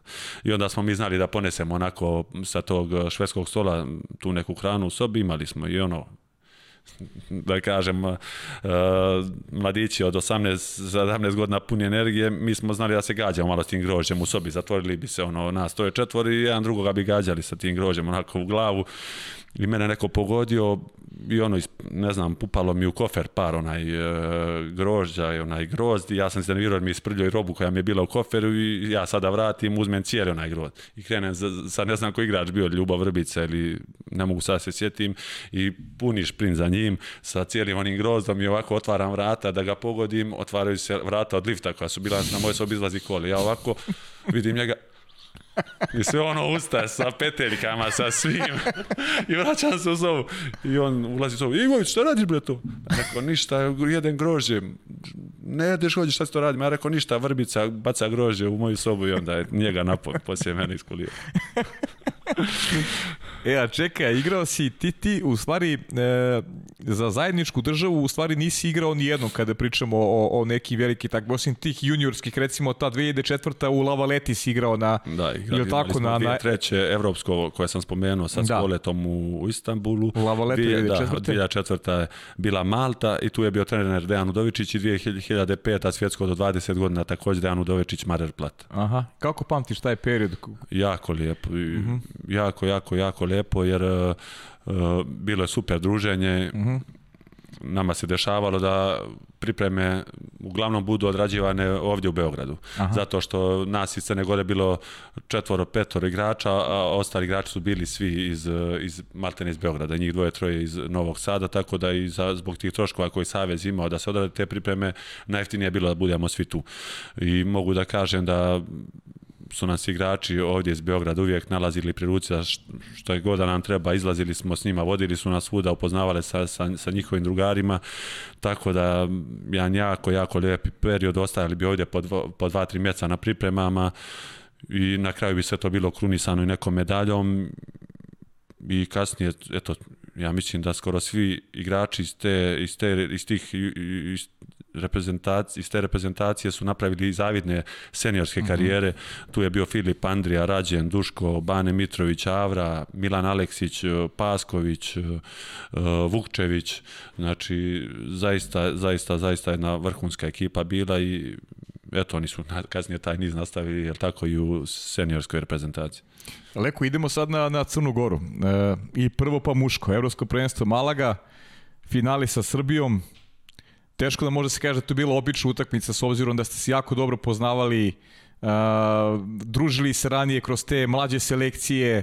Uh, kako ste ti doživeo generalno celo takmičenje i, i to osvajanje zlatne medalje što je ispostavit će se da je to i najbolji rezultat koji je Crna Gora imala u, u represitivnoj, represitivnoj da Nešto, kažem, eto, konkurenciji. Jedan dio odgovora uh, sam dao i na ono pitanje na, da, koje početku, u početku rađen, da. kad da. je rađen rekao da su te utakmice za njega bila najteži na tom psihološkom uh, planu i fizički ali za nas je to nekako sve brzo došlo jer uh mhm. -huh. mi po odvajanju dvije zemlje smo morali da igramo ne znam da li je poznato to gledaocima kvalifikacije za evropsko prvenstvo gdje smo igrali protiv Austrije Irske, ne znam ja, dobijali utakmice po 30-40-0 mm. da bi došli na evropsko prvenstvo. Jer je Srbija poslije odvajanja naslijedila kontinuitet da. igranja na velikim takmičenjima.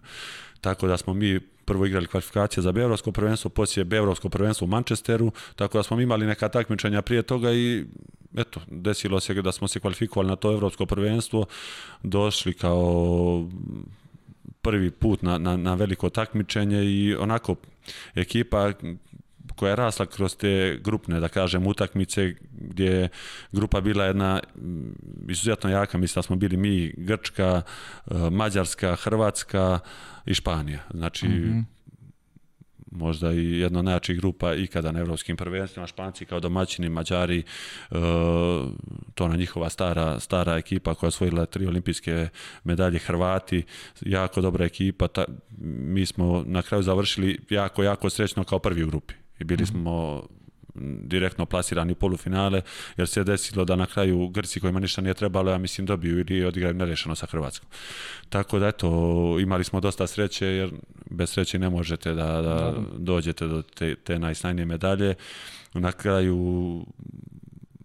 ta famozna utakmica i to je onako još se možda nije bila ni ohladila uh, sama ta atmosfera oko referenduma, neki ljudi su pokušali možda tu da ubace neki nacionalni naboj, ali uh, bilo jako teško, kao što si ti rekao, mi smo se svi tu dobro poznavali, ovi ne, naši stari igrači sa starim igračima i Srbije, mi mlađi sa njihovim mlađim igračima, tako da uh, tu otim te, osim te neke sportske note i konotacija ne bi to stavljao u, u nešto drugo i mislim sve naše utakmice sa Srbijom su uglavnom bile na mali broj golova. Ta je završena 6-5, naša škola Vaterpola je bazirana na, na, ta, na toj odbrani, mislim kad kažem naša, govorim za sve ekipe ja. s ovih prostora. I eto, produžeci je odlučio taj zadnji go Nikole Vukčevića sa 2 metra, i isto, isto je onako čudan go, provukao se Denisu ispod, ispod uh, miške veliko slavlje za sve nas. Mi smo bili onako van sebe, nismo očekivali, evo da. iskreno da budem, ja nisam očekivao da možemo da ih pobjedimo i možda i zbog te rasterećenosti nekako je bilo lakše igrati tu utakmicu. Jer onako, eto, vjerojatno su i oni osjećali neki pritisak da trebaju da pobjede, mi smo bili rasterećeni i, i bilo je lako možda, nama je možda bilo lakše sa te psihološke strane odigrati tu utakmicu mm -hmm. nego njima. Jel pamtiš neki detalj i, i, i, i, ono, ono čuveno slavlje, pošto ti si rekao da ti karijera satkana od, od, od, od anegdota pa, i ono slavlje veliku podvoricu zaista.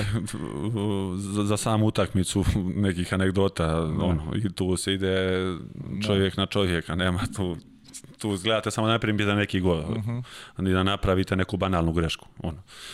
Eh, ali eh, taj zadnji njihov napad eh, i taj šut, ja mislim da smo mi dobili dva igrača manje. Ne, mislim da je Jaca išao na faul, pa mu je neko gurnuo loptu, dobi sučenje, pa još jedan igrač bacio loptu da bi ga dalje od gola, pa je on bacio na vladu Ujasa i ono, svi smo ako, kad je vlada dobio loptu, znali smo da mora da, da šutne jer je ostao sekund ili dva do, do, do kraja tog dugog produžetka i ono, sjećam se tog straha kad je uzeo loptu jer opšte je poznato da, da vlada u tim završnicama uvijek eh, bi dao go ili bi eh, tu situaciju riješio onako kako treba i Šćepam odbranio taj šut i onda neverovatno slavlje i mislim da su ti dočeci po Crnoj Gori trajali 3-4 dana, velika euforija baš bila mm u, u Crnoj Gori, prva velika medalja uopšte za, za, za, mm -hmm. za mhm. novu zemlju i nekako se narod saživio sa tim treba reći da je dosta ljudi nije ni, ni znalo nikad da, da Waterpolo postoji uopšte u Crnoj Gori, pogotovo da kažemo od Budve pa naviše gore idući prema Cetinju i Podgoricu, ali kad smo se vratili zaista smo svi ti ljudi onako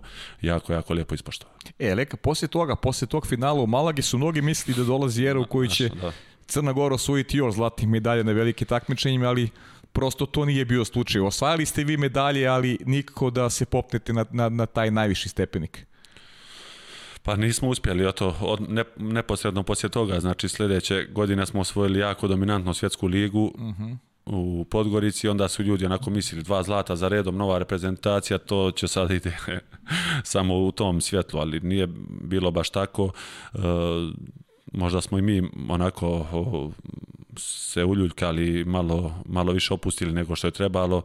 E, misleći da će da, da, da, da, da samo pojavom našom na tim velikim takmičenjima će biti dovoljno da, da, da se dođe do te mhm. medalje, ali nije baš u sportu tako.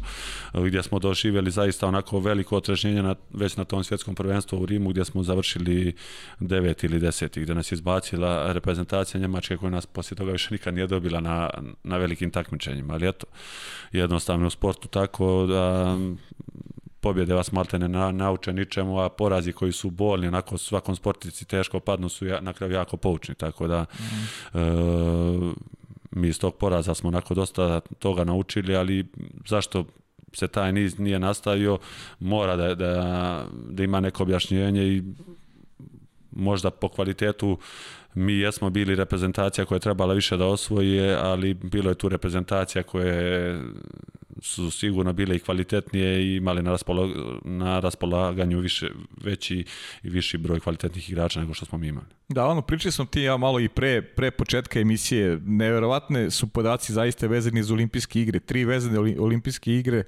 e, tri vezana turnira na olimpijskim igrama, 2008, 12. i 16. Crna Gora završava kao, kao četvrta.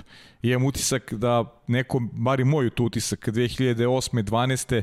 Da, ste, da su i vaše očekivanja bila mnogo velika, da ste se nekako razočarali nakon poraza u polufinalima, pa su došli i ti porazi u Srbiji u borbi za treće mesto, ono 2012. ono neverovatno kako ti izgubili utakmicu, to je nešto to će se prepričavati, e, verujem, decenijama dobijena utakmica, imate ja, sve u džepu. Ja neću prepričavati sigurno, ja pokušam da, to da zaboravim. Da, logično, logično. A, ali, eto, da krenemo hronološki od te 2008. Mm -hmm to je došlo, tad su se igrala dva velika takmičenja u istom ljetu. Znači, uh mhm. -huh. mjesec dana poslije Malage, ne znam je li prošlo mjesec dana su igra, igrali su te olimpijske, olimpijske igre.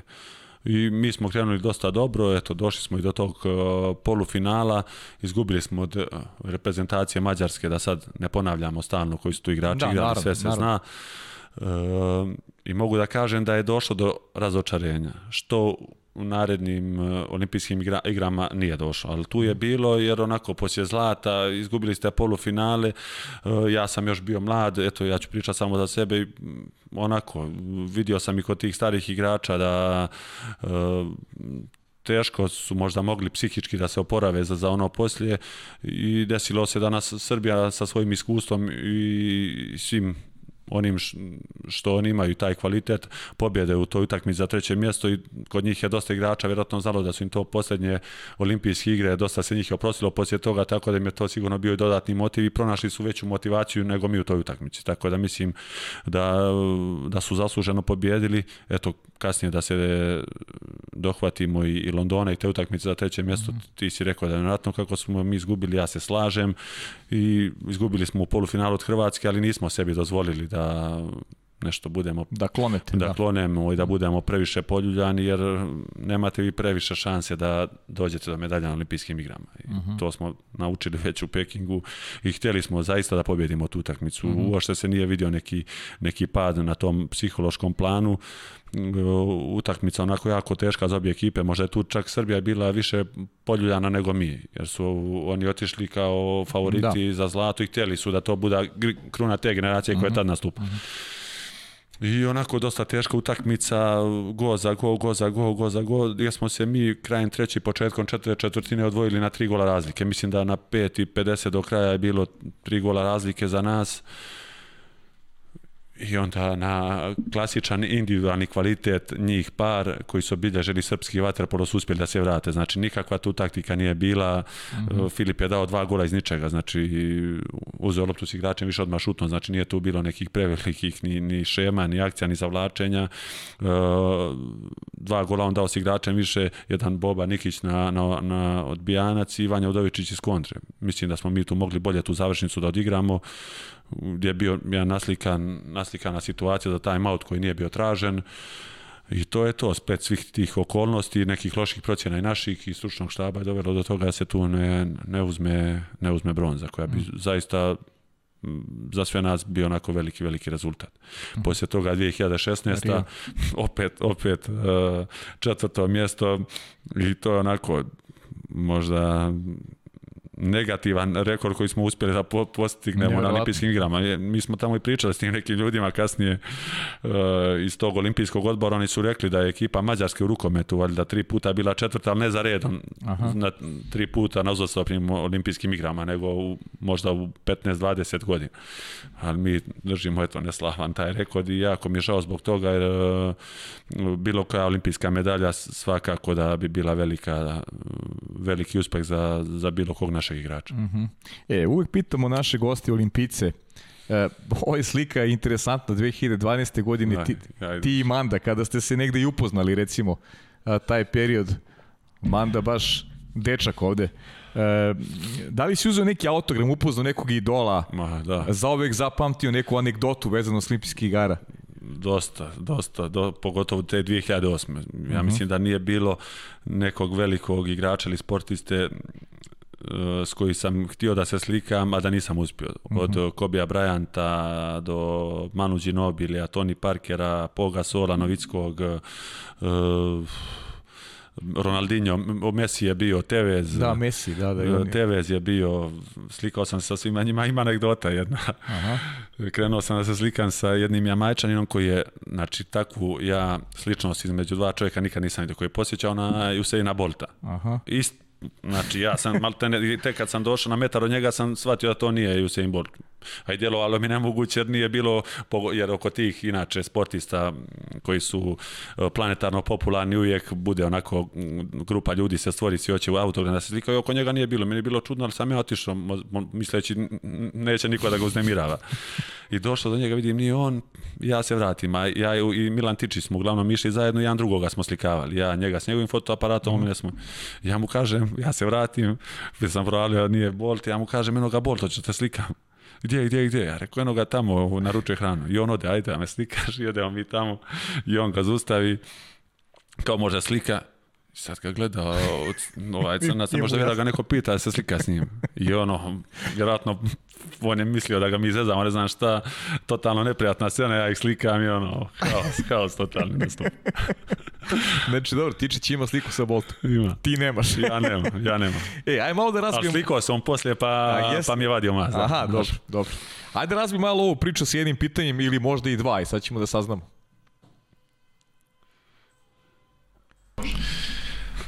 Pozdrav za, za Leku Jovića i dva pitanja Prvo pitanje, kad ćeš više da naučiš da igraš bolje taj Texas Hold'em, da se malo ispraktikuješ i drugo pitanje, kako to da si ti postao malteški bog i najčuveniji igrač vaterpola na ostrvu Malta? Pozdrav. Nisam ni očekivao da će on...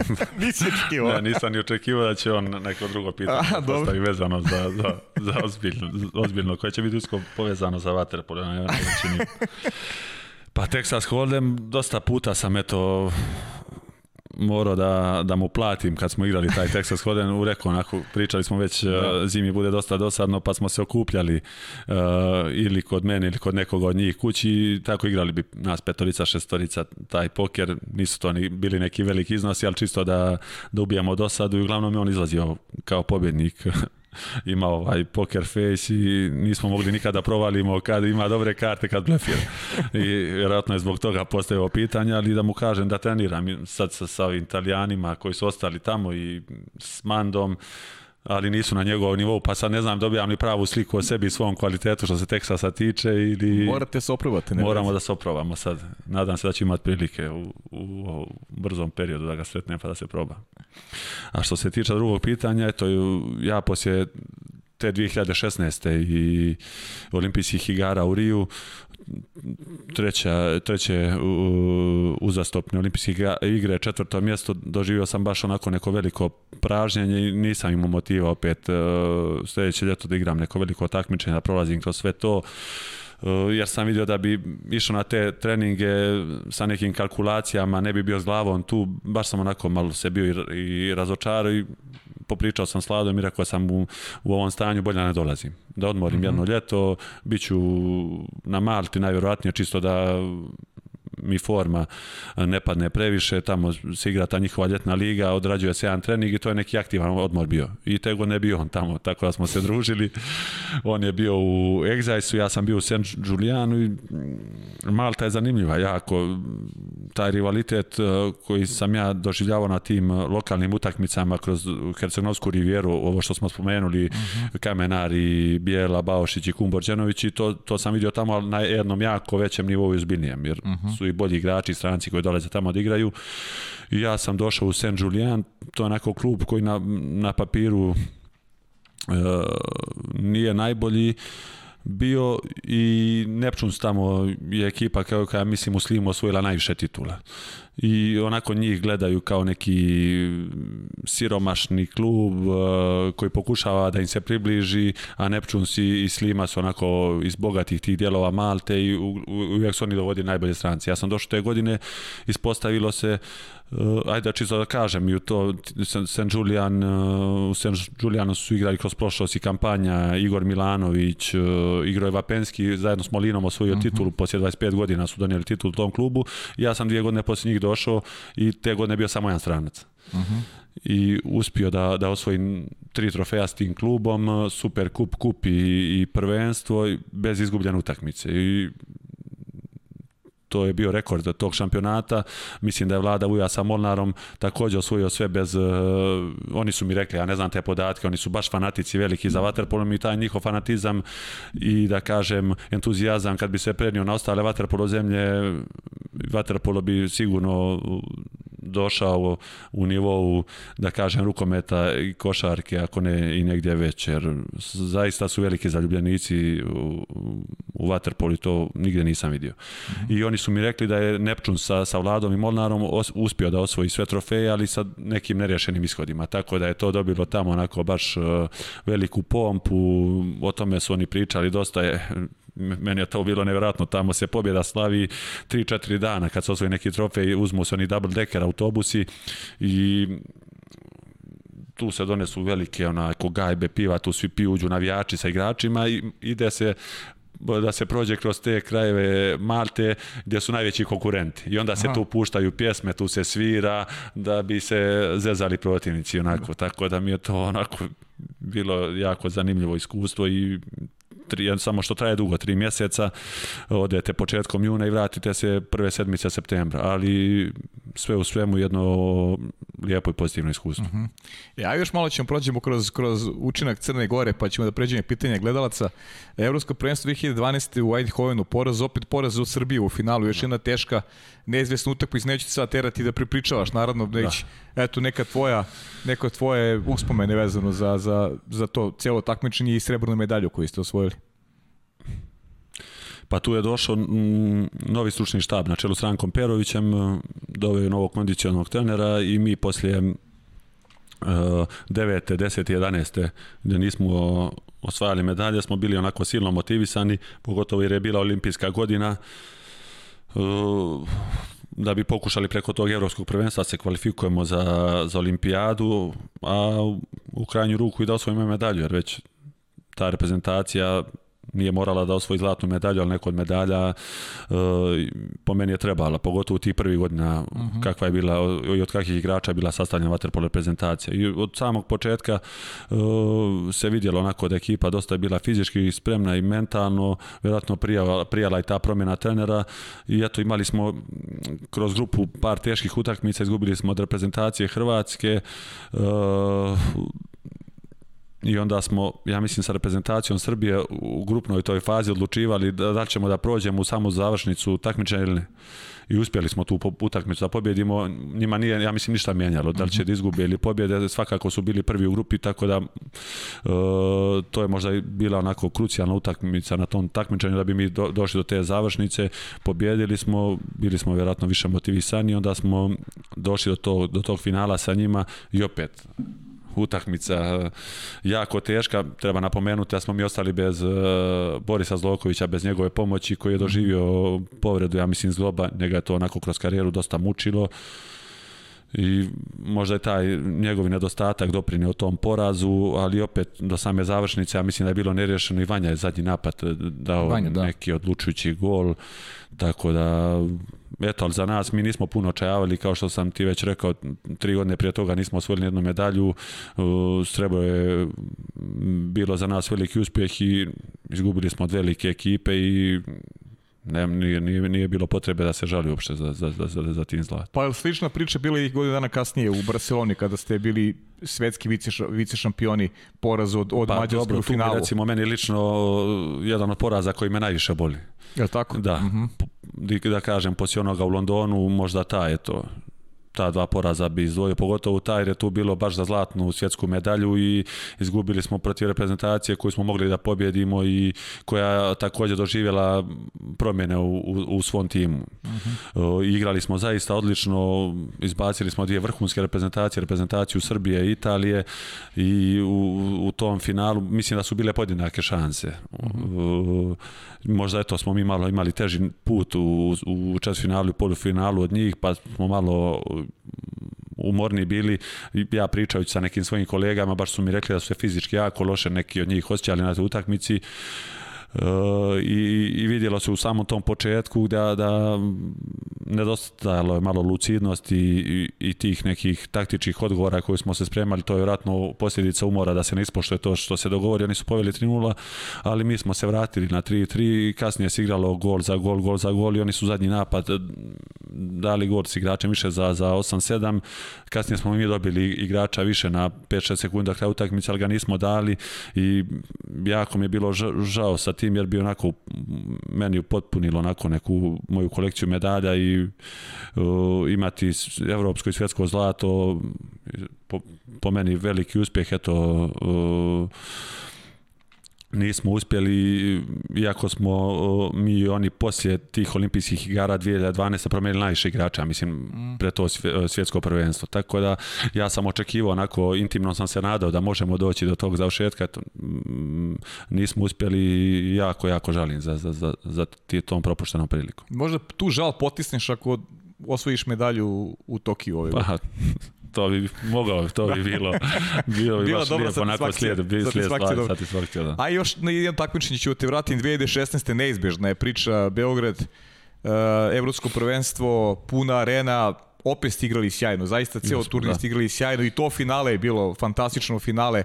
Uh, Pa je, onako gledamo iz perspektive Srbije, verovatno najteža utakmica koju je Srbija odigrala u tim mečevima za, za odličje. Kad pričamo o četvrtfinala, polufinala, što u Riju, što u Beogradu, to finale protiv Crne Gore je zaista bilo fantastično.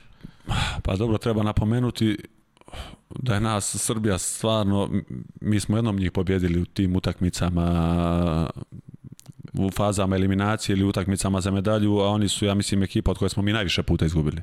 Iako oni napominju da smo mi njima najteži protivnici, možda zbog toga to što se njima dešavalo da tim nekim utakmicama, u borbama za medalju dobiju te protivnike po 5-6 razlike. Nas nikad u tim utakmicama nisu dobili sa nekom velikom da. uh, razlikom, ali su u većini slučajeva iz, izlazili kao pobjednici.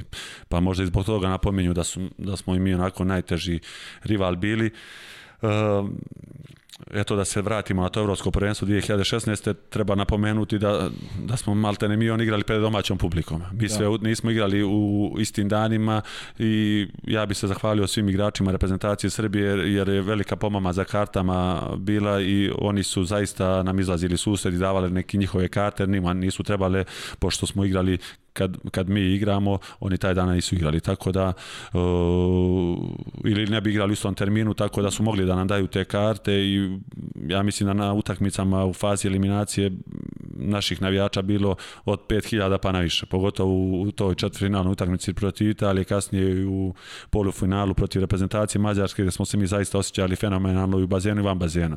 Bile su nam i porodice tu došle, tako da jako, jako jedno E, dobro takmičenje za nas e, zbog svega ovoga što sam naveo i eto to finale ostaću upamćeno i po tom rekordnom broju gledalaca oko skoro 20.000 i bilo je predivno igrati u tom ambijentu.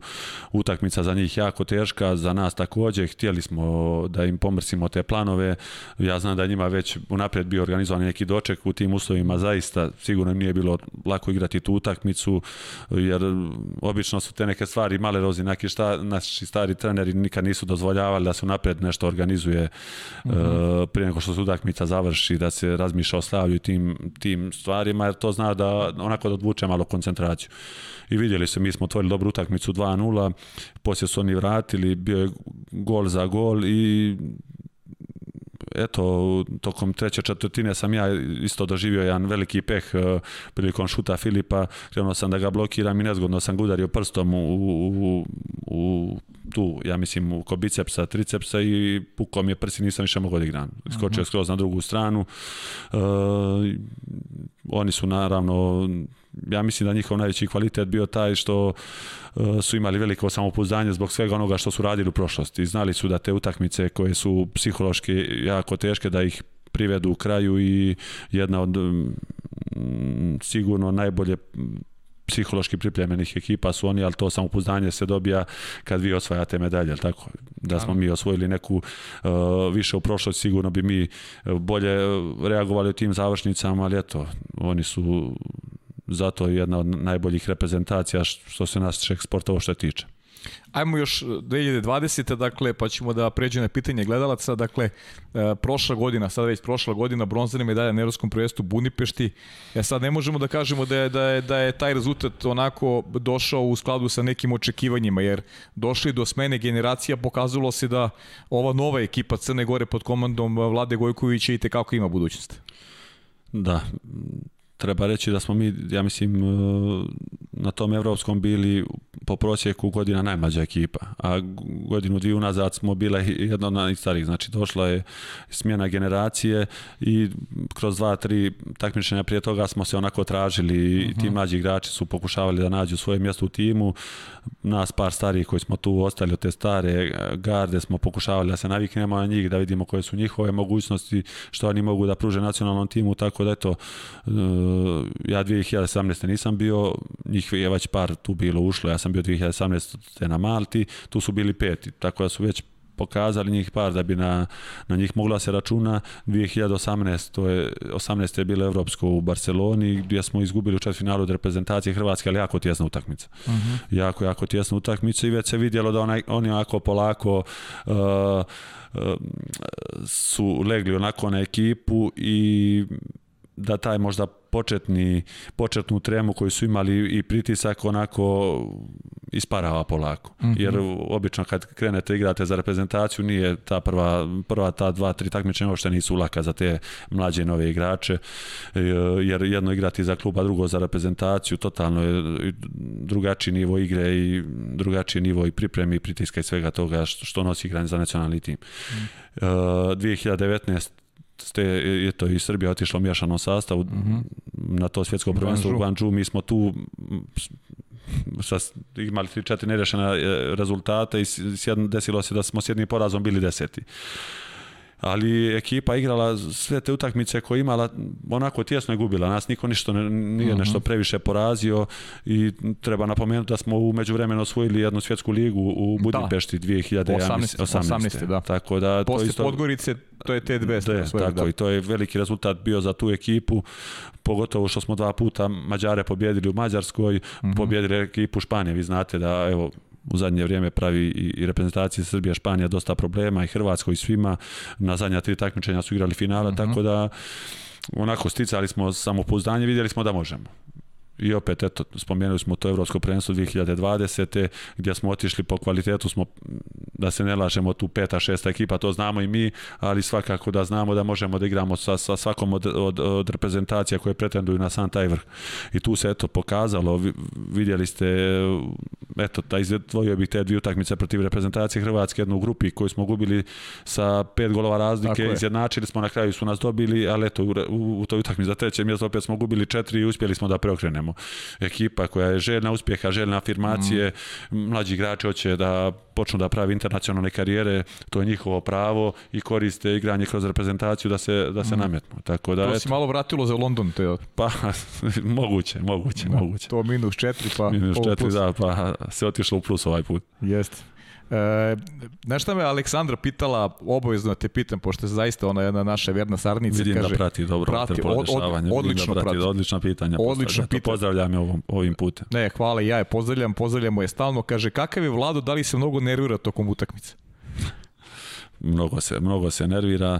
E, mislim da je to tokom godina uspio da kanališe da smanji, ali mhm. u početku se puno nervirao meni se dešavalo par puta onako kad se okrenem pre, prema klupi da ga vidim ono da se vata da se vata za glavu proživljava veliku dramu tokom utakmice i u neku ruku ga i shvatam jer dosta tih igrača koji ušao u reprezentaciju eh, maltene on stvorio ono što se kaže u tom eh, sportskom i vaterpolo žargonu su to igrači koji su izašli iz podmatka Jadrana tako da um, vjerojatno žudi za tim, da, da, da on sa tim igračima, znam da kad pričam s trenerima, da je njima jedan od najvećih uspjeha kad naprave nekog igrača, kasnije kad s njim uspiju da ostvare neki rezultat, tako da vjerojatno je to jedna od, od, od stvari zbog kojih tako proživljava utakmica. E, idemo sad na pitanja da budemo koncizni, da promo odgovorimo na što više, jer zaista ih ima ima uh, Neće leka... više biti ovih kakljivih kao što su postavili Manda i Ne, ne, više, pa ne, vidiš da Boba da su... Nadans. Ne, ne, mislim videćemo sad, ne moraš da sve da odgovoriš. Ali pazi ovo, Aleksandar Pantić. Kaže, zbog čega veliki talenti iz Jadra nisu uspeli da ostvare uspešne karijere? Mislim na Vasu Čukovića i Điđu. Uh, ja Vasu Čuković, ja znam, to je momak iz Baošića, on je 84. godište i to je jedan igrača koji je prvi ušao prvi tim i debitovao za prvi tim od nah mlađih. Mm -hmm. e, samo da malo pojasnim, mi kad smo ulazili u prvi tim, govorim ja, Andrija, Vaso Ćuković, Điđu kojeg je spomenula, e, to su bili igrači od 84. do 87. godišta koji su bili priključivani prvom timu, mm -hmm. da mhm. prođu kroz sve te treninge i, i e, koji bi kasnije olakšali adaptaciju na, na igra za prvi tim. I on je jedan od prvih koji je debitovao, ali desilo mu se da ima zdravstvenih problema, imao neki zalizak na srcu i uh mhm. -huh. to ga odvojilo od bazena. Kasnije nije, doktori su mu rekli da ne smije da se izlaže velikim naporima, tako da je on zbog toga prestao. A Điđa, on je prestao zato što je odlučio da se školuje i mislim da je sad u jednoj banci baš na visokoj poziciji, ne znam, u Erste banci, sad ne znam tačno koja mu je pozicija, ali mm -hmm. odveo od, od ga je život drugim putem. Da, eto, Aleksandar Pantić, da. svaka čast, dobro pitanje. E, Jelena Stojanović, ona je takođe naš e, vjerni saradnik. E, jedno od pitanja njenih, ko je zadužen za dobru atmosferu u reprezentaciji Crne Gore? Pa ja i ovi mlađi igrači. Ja ih zezam, oni moraju da trpe zezanciju i, i onda se svi smijemo. Et. Dobro. Uh, isto ona pita ko je najdrži saigrač. Uf, Teško imam ih da. par, ne mogu jednoga da izvojim. Dobro. Iz, iz ovih dana naše reprezentacije i Jadrana svakako Vlada Gojković, ja sam eto 2008. i 9. ta sezona 9. i 10. bio je najbolji strelac Jadranske lige. Mislim da sam u jednoj sezoni dao 103 gola, od tih 103 ja da mi znam je on namjestio 80, tako da smo se dobro kapirali u bazenu. Uh, Uh, čovjek koji uvijek čekao mene da ja napravim neki pokret, da mi baci loptu i koji mi je dosta i pomogao u karijeri, radio individualno s njim kad sam ja bio uh, priključivan prvom timu, tako da je on jedan od igrača, a uh, sad ću da nabrojim uh, Sandra Sukna, Andriju Prlajinovića i Filipa Filipovića, njih mhm. trojica. E, opet Jelena, E, sa koliko godina naučio da pliva, da li je to more ili bazen? Gde si znači plivaš, u moru pa, ili bazenu? Do, to je nam primorju prije bilo pravilo, ono kažu, dijete ne zna da pliva ima dvije godine, onda vas bace ovako u bazen, taj, u baošnićima i čekaju da li ćete da se udavite ili splivate. tako da sam tako naučio, mi znam je da neko gurne u bazen, ja sam išao po onom pontonu i neko je rekao, ovaj klinac ne zna da pliva, ima, ne znam koliko si imao, dvije ili tri godine, ma kako ne zna, nemoguće da odrasta tu, da izbaoše, ne zna, pliva i gurno me, neko je sad normalno, stari su bili tu spremni da vide e, da li ću da, da, da se udavim, ali eto, prebrodio sam taj neki početni strah, isplivao sam na površinu, svi su ono dali aplauz, podrške, I eto, tako sam naučio, ja mislim da sam imao dvije, dvije i pol godine, tako. E, najnezgodniji golman? najnezgodniji golman. Pa Denis Šefik svakako uh, eh, Joci Pavić. Mhm. Uh Ja ne volim nekako one neškolovane golmane. Znate što ne, ja mislim ima tako tim tim mađarski golman isto ono jednu utakmicu prime 10 golova, sledeću prime 5, eh, tako da ne znate na koji način da se uh mhm. -huh. spremite za njih pred eh, određene utakmice. Uh, E, tako da i taj nađi on dosta puta baš onako propasti svoju ekipu, onda par puta napravi čuda i dovede ih do, do, do velikih odličja. Tako da on isto onako jedan golman koji, koji na mene onako ostavio mhm. veliki, veliki trag. A najteži protivnik u klubskoj i reprezentativnoj karijeri? Pa eto ja, pošto igram par pozicija, na toj poziciji centra kad sam počinjao svakako su to bili ti sta, e, stari centri kad sam ja imao 19-20 godina onako igrali su drugačijim stilom nego sad što igraju što igraju centri izdvojio bih e, Smodlaku i i Čomakidza i Hinića svakako mm -hmm jer sam se ja onako kalio s njima i ono, ovi stari igrači bi im rekli ako njih zaustaviš, sigurno ćeš imati dobru karijeru, samo ne dozvoli da ti daju go i onako e, veliki je rat, rat bio e, sa njima bili su onako robustni, baš ih je bilo teško pomjeriti i maknuti im taj neki oslonac koji mi bekovi pokušavamo da, da sklonimo centrima, da bi ih odalje što, što dalje od gola i kasnije srpski centri, naravno Nikić i, i Dule uh, Perez, ajde da njega bih ubacio u, pr, u ovih prvih par centara koje sam rekao i Nikša Dobud svakako, on je u periodu dok nije bio diskvalifikovan mhm. zbog uh -huh ovog problema koji je imao s dopingom bio zaista jako težak za čuvanje i eto, to su ti centri koji onako su bili baš jako teško za čuvanje. E, Sandi Mertelj, bivši festival Slovenije, kaže, pozdrav Aleksandru, trenutno najkompletniji vaterpolisti sveta. Ima tri pitanja za tebe kratko. U kojoj stvari on zna da može bude još bolji u vaterpolu, gde ima rezerve, e, šta smatra sebi kao manu?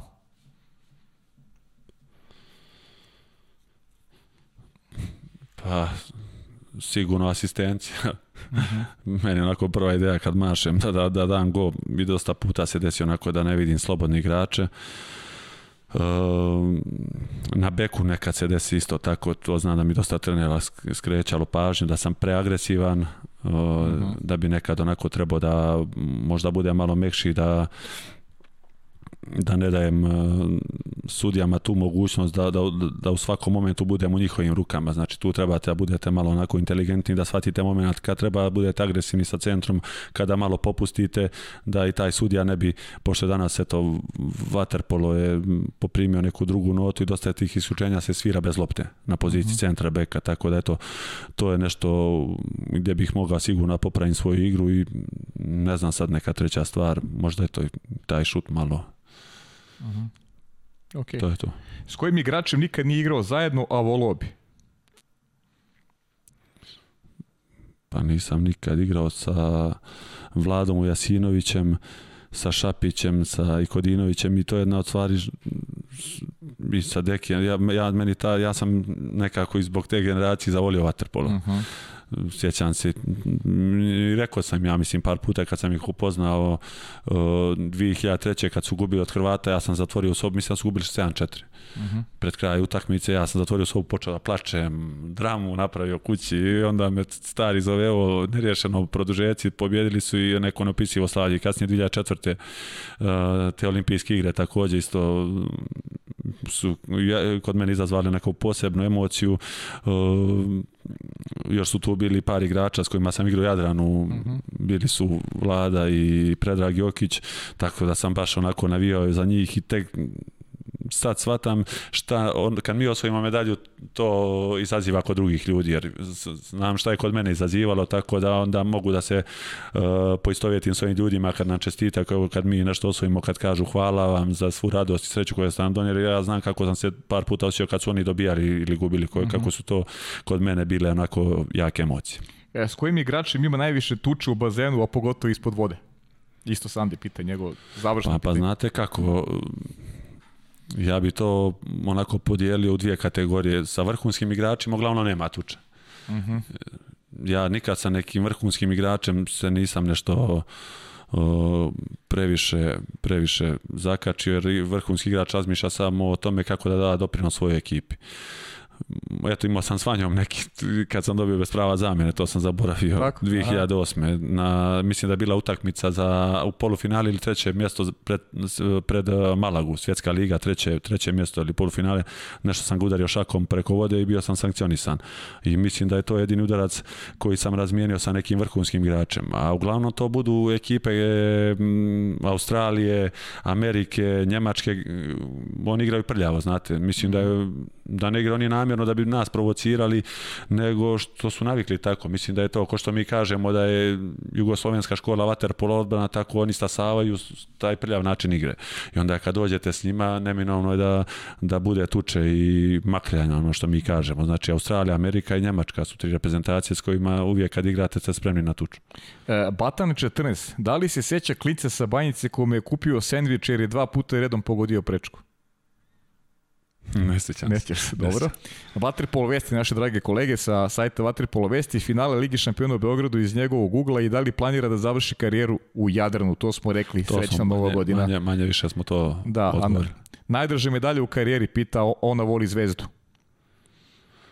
Pa, ti si, konstatovali smo da je jedino zlato što se reprezentacije tiče, ta Malaga Evropska, da. i tako da je, mislim, jasno šta ću da odgovorim, svakako je ta medalja meni najznačajnija i zbog svega toga što ona kasnije izazvala u Crnoj da. Gori. Evo, Đorđe 17 kaže, da li zna Leka koliko je radosti doneo u naš dom svojim golovima?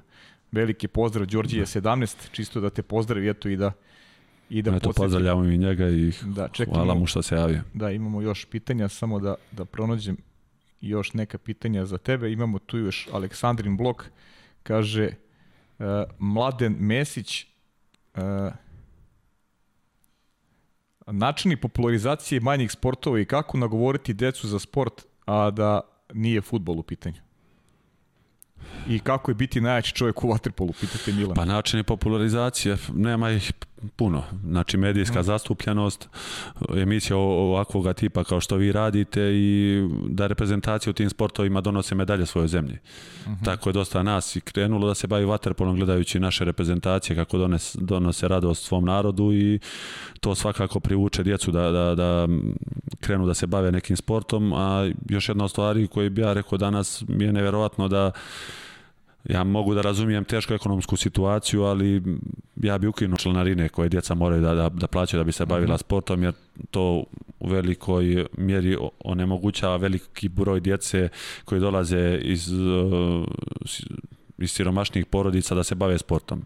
A po meni kako je vrijeme danas došlo, jedino bi možda takva djeca i mogle da dođu do nekih vicina do kojih su došli neki naši najbolji igrači. E, pa i sad Aleksandar, ali samo da budem, moram da budemo koncizni sad. A, da li bi njegov život mogao da se opiše rečenicom moj život na ovo ruka? S obzirom da bi tako nazvao svoju biografiju. I da li je počeo da radi na njoj i da li dalje želi da ga glumi Petar Božović? Da. Kako je postavio pitanje? Si rekao? Aleksandra pa ona, ja ne znam, mene izuzetno da dobro poznaje. pa meni su dosta neki saigrači zezali da je kod mene sve na oruk, tako i u životu privatnom i što se vaterbola tiče, tako da bi mogla da se biografija nazove tako, ali mislim da je neću nikad napisati. Ja s Petrom Božovićem vjerojatno zna i da sam privatno dobro. Mm -hmm. On je masu svojih ljeta proveo u Baošićima na bazenu i izuzetno voli vaterpolo. Pratio i staru reprezentaciju, znam da je bio i u Pert na svjetskom prvenstvu. E, meni je dosta puta kad sam ja bio klinac igrao na tom lokalnom bazenu u Baošićima, znao za, za svaki god da mi kupi bananu split u toj nekoj lokalnoj mm -hmm. poslazičarnici, mhm. da me kao motiviše za dalje i a eto, ako nekad se bude pisala ili igrala ta biografija, svakako bi bio e, da li je tačno da je kada se preselio u Italiju za pola godine odgledao više od 150 filmova? Pa veliki, ne znam sad tačan broj, ali baš bio sam se spremio, znao sam da ne znam dobro jezik, da ću veliki broj vremena, jer su me ti stari igrači tamo, baš su mi famu oko tog reka stvorili, tamo je mhm. dosadno, Aha. neće znači šta će da radiš, e, ne znam, baš sam onako bio spreman najgore. Mislio sam da idem u pustinju neku, kako, kako su mi ti neki stari, jo, psihički ćeš biti e, labilan, tamo se niko s nikim ne druži, to ja sam neko, ono, šta je ovo, i ponio sam jedno 200-300 DVD-a i ono, prvih tih par mjeseci sam pogledao baš, baš veliki broj filmu. E, da li je ostvario želju da otputi u Južnu Ameriku? I šta bi najprije volio da posjeti Brazil, Argentinu ili Kubu?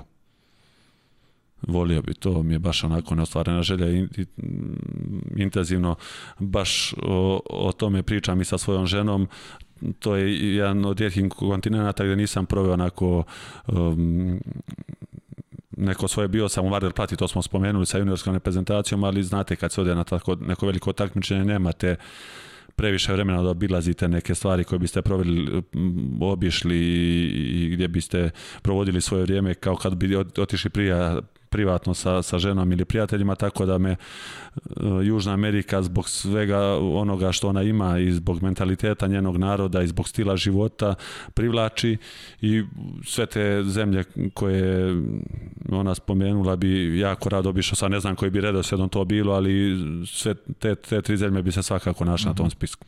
E, Volim da putujem, i, ali i otiću sigurno u Južnu Ameriku prije kasnije. Ima, ima neka pitanja koje se ponavljaju. Portal Total, Total Waterpolo je bio najbolji postav u prve dve decenije 21. veka a, ti se našu u srebrnoj postavi, a Igor Milanović te uvrstio u svu idealnu postavu, pa eto pitanje kako se osjećaš tim povodom.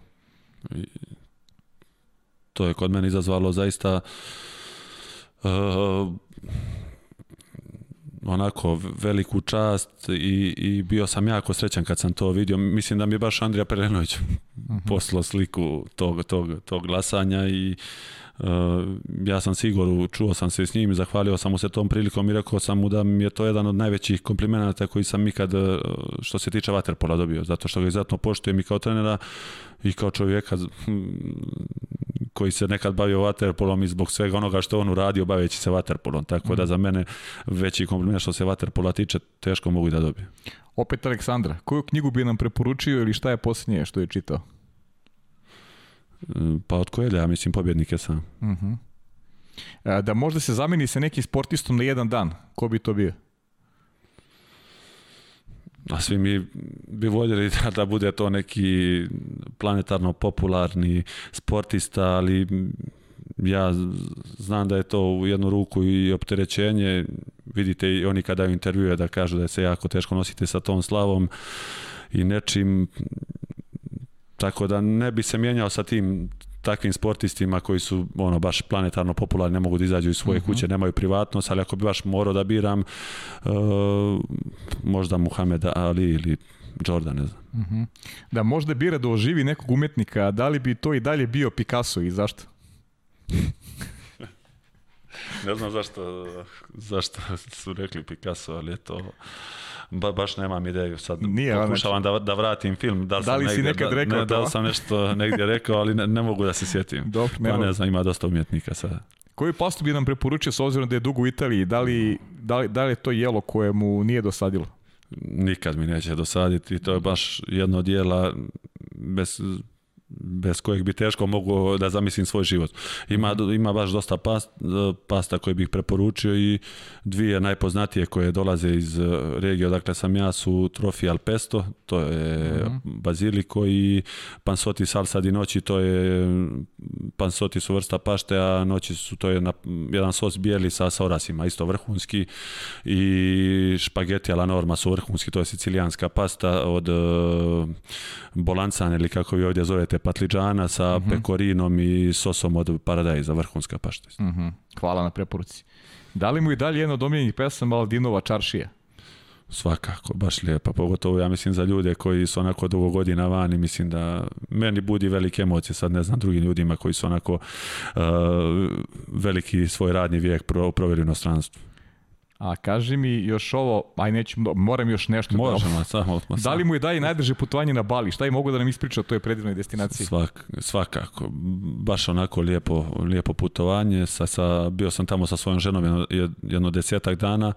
Osrpska zemlja, ali nije nešto ni previše velika, ali naseljena. Mislim, ima oko 2 miliona stanovnika i obično kad odete na te osrpske zemlje, svi misle da je mm, onako ostrvo ne može da vam pruži mnogo tih nekih različitosti sa, sa, samo po sebi. A ovo je baš onako živopisno ostrvo, ima i taj centralni dio gdje su uh, planine, gdje su plantaže kafa, uh, gdje su polja te crvene riže, to je zaštićeno takođe u Neskom, znači ja mislim jedina ta crvena riža, ako se ne lažem, raste tamo i ona lu, luaku, ka, ja napijem kafu, ali ona od indijske, ja. one mačke, uh mhm. -huh. od njenog izmeta se valjda pravi neka najskuplja Da kafa na svijetu, to isto tamo ima, e, pa do predivnih plaža, surferskih plaža, hrana je vrhunska, fenomenalna, nije skupa, zalazak sunca sa nekim jastogom i dobrim školjkama na toj plaži gdje kao tamo važi za najljepši zalazak sunca za, za 30 dolara sede, tako da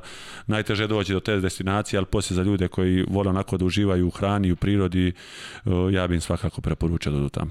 E, sad jedan blok naše mlade koleginice Sara Radović nije tu, ali redovno učestvuje, ona e, voli, prati vaterpolo, kaže interesantno pitanje, koliko je to je prvi trener Nenad Navrin uticao na to da zavoliš vaterpol i danas brojiš brojne medalje dosta, isto. Dosta je uticao i on je jedan od najbitnijih trenera u mojoj karijeri. Mislim da u karijeri svakog sportiste su ti prvi treneri jako bitni jer osim toga što treba da vas nauče, treba i da naučite da savolite taj sport. Uh mhm. -huh. I on je meni usadio ljubav prema tom sportu i sa njim smo osvojili i te dvije medalje za Bokelj iz Baošića.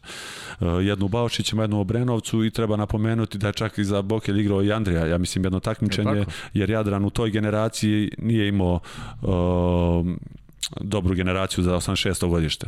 I mhm. onda, pošto se to sve sklapalo iz, e, kao što smo mi išli iz tih lokalnih klubova u Jadran, tako su njih par iz Jadrana koji su trebali da nastupaju za tu generaciju odlučili da dođu da odigraju za nas to takmičenje. Ja mislim da smo zajedno osvojili srebro sa tom generacijom koju Nenad Navarin takođe, takođe vodi. Ja se s njim danas takođe čujem, on je trenutno na Malti, vodi tamo mlađe selekcije i znam da i tamo već pravi neke dobre rezultate sa tom malteškom djecom.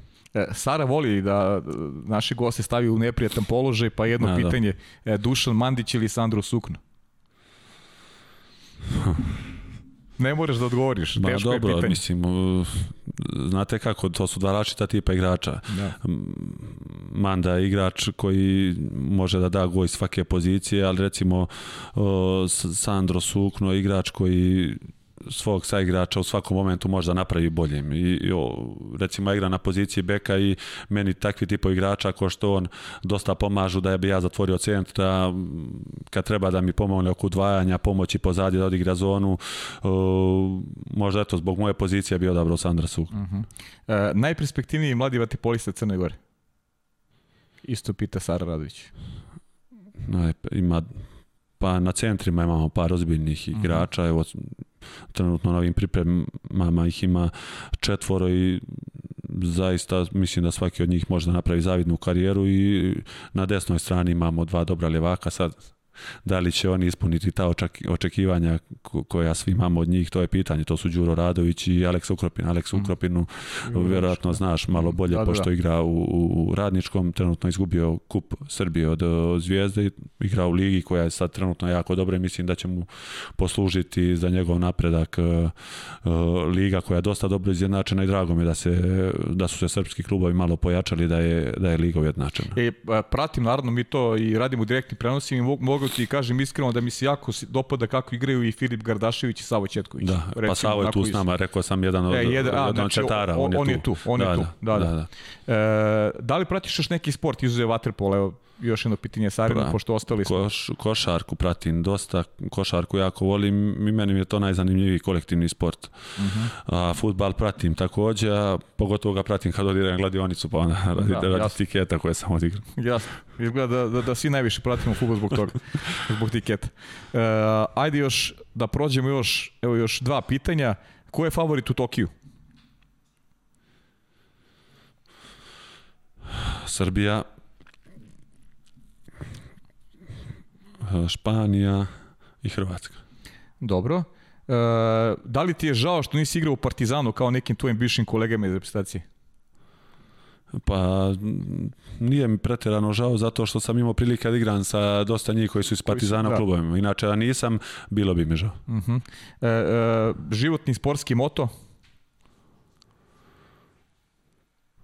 Pa nema sa neki moto da bih e, ga stavio neke dvije, mhm. tri riječi, ali je nekako ja svoj život pokušavam da baziram na jednostavnošću, e, da živim onako što se kaže hrišćanski, da nikoga nešto ne, ne uredim s namjerom, da budem što je više moguće pošten i, e, i tako te neke stvari. Mislim da je dobrota i poštenje će uvijek doći na naplatu kod bilo kojeg čovjeka. Marina ima običaj, ja ću sada bude Marina na kraju, da se onako porodici posvetimo na kraju emisije. Ima tu još nekih pitanja, ali ja verujem da ćemo se mi ponovo družiti i pa vidjeti pa, nekom drugom prilikom, pa pričati o nekim, nekim još drugim temama. E, ti si e, oženjen, ono što je interesantno, ja sam saznao da ste ti Goran Jeretin oženili. Da, da, da, dve, da, mi smo pa rođene, pa, pašenoci. Ja pašenoci, Goran, da. da, dve rođene sestre, biši košarkar Crvene zvezde, budućnosti. Kapitan je bio. Kapitan je bio zvezde, da. takođe. Tvoja supruga Maja, je tako Maja, beše? Da, da porodica?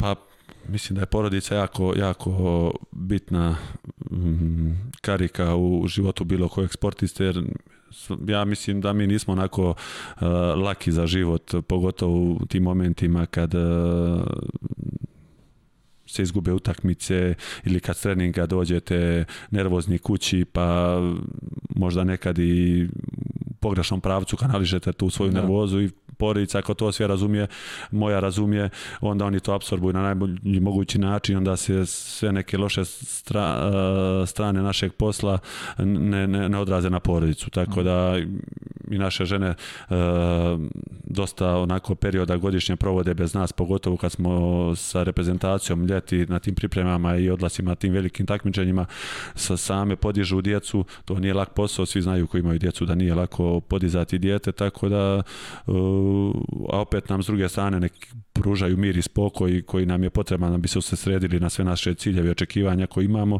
Tako da eto, pozdravio bi Maju ovom prilikom, znam da će gledati vaš podcast jer je gledala sa mnom par emisija, sviđa se emisija i uh, nadam se da ću kad prestanem uh, e, vaterpolo da igram da ću se odužiti u najboljoj mogućoj mjeri sa svim što ona meni pružila tokom igračke karijere. E, a kaži mi deca, to ti nisam pitao. Imam čerkicu od uh, tri godine i tri mjeseca. Veliki pozdrav za Maju i za, i za Čerkicu. A, Lara se zove djevojčica.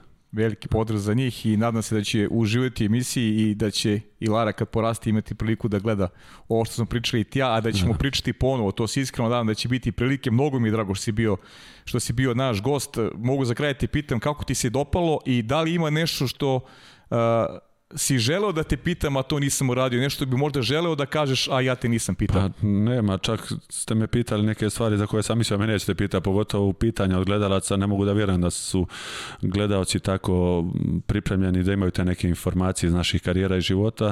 E, emisija jako lijepa, sadržajna i ja sam već rekao, ovo je jedna od rijetkih emisija gdje mi možemo ovako da pričamo detaljno o Waterpolu i da iznesemo neke stvari koje, koje nikad nismo možda ni rekli i Zahvalio bi se tebi Marini i svim vašim kolegama koji radite na promociji Waterpola. Prije kad smo pričali šta je potrebno Waterpolu da bi se promovisao i možda došao na visine nekih drugih sportova, potrebne su ovake emisije i naravno uspjesi reprezentacija i ja vam se veliko zahvaljujem što, što radite na, na, na tome i nadam se da ćete uspjeti koliko toliko da promovišete Waterpool najbolje, najbolje mogućem svjetlu u našem regionu. Leka, hvala ti puno što si bio naš gost. Želim ti mnogo zdravlja, sreće u 2021. godini i želim tebi i reprezentaciji Crne Gore da se plasirate na olimpijske igre u Tokiju, Hvala. pa da još jednom sjajnom vaterpolo takmičenju. se. Pa da se probam opet mi i Srbija tamo, pa vidjet ćemo da. ko ćemo e, Eto, to je, to je bio Leka Ivović. E, ja vas pozdravljam i najavljujem za sledeću nedelju novog ekskluzivnog gosta. To će biti e, Miloš Ćepanović, nekadašnji goman reprezentacije Crne Gore, sada trener Marseja i verujem da ćete uživati u još jednom našem lepom i zanimljivom podcastu. Do tada svako dobro i prijatno.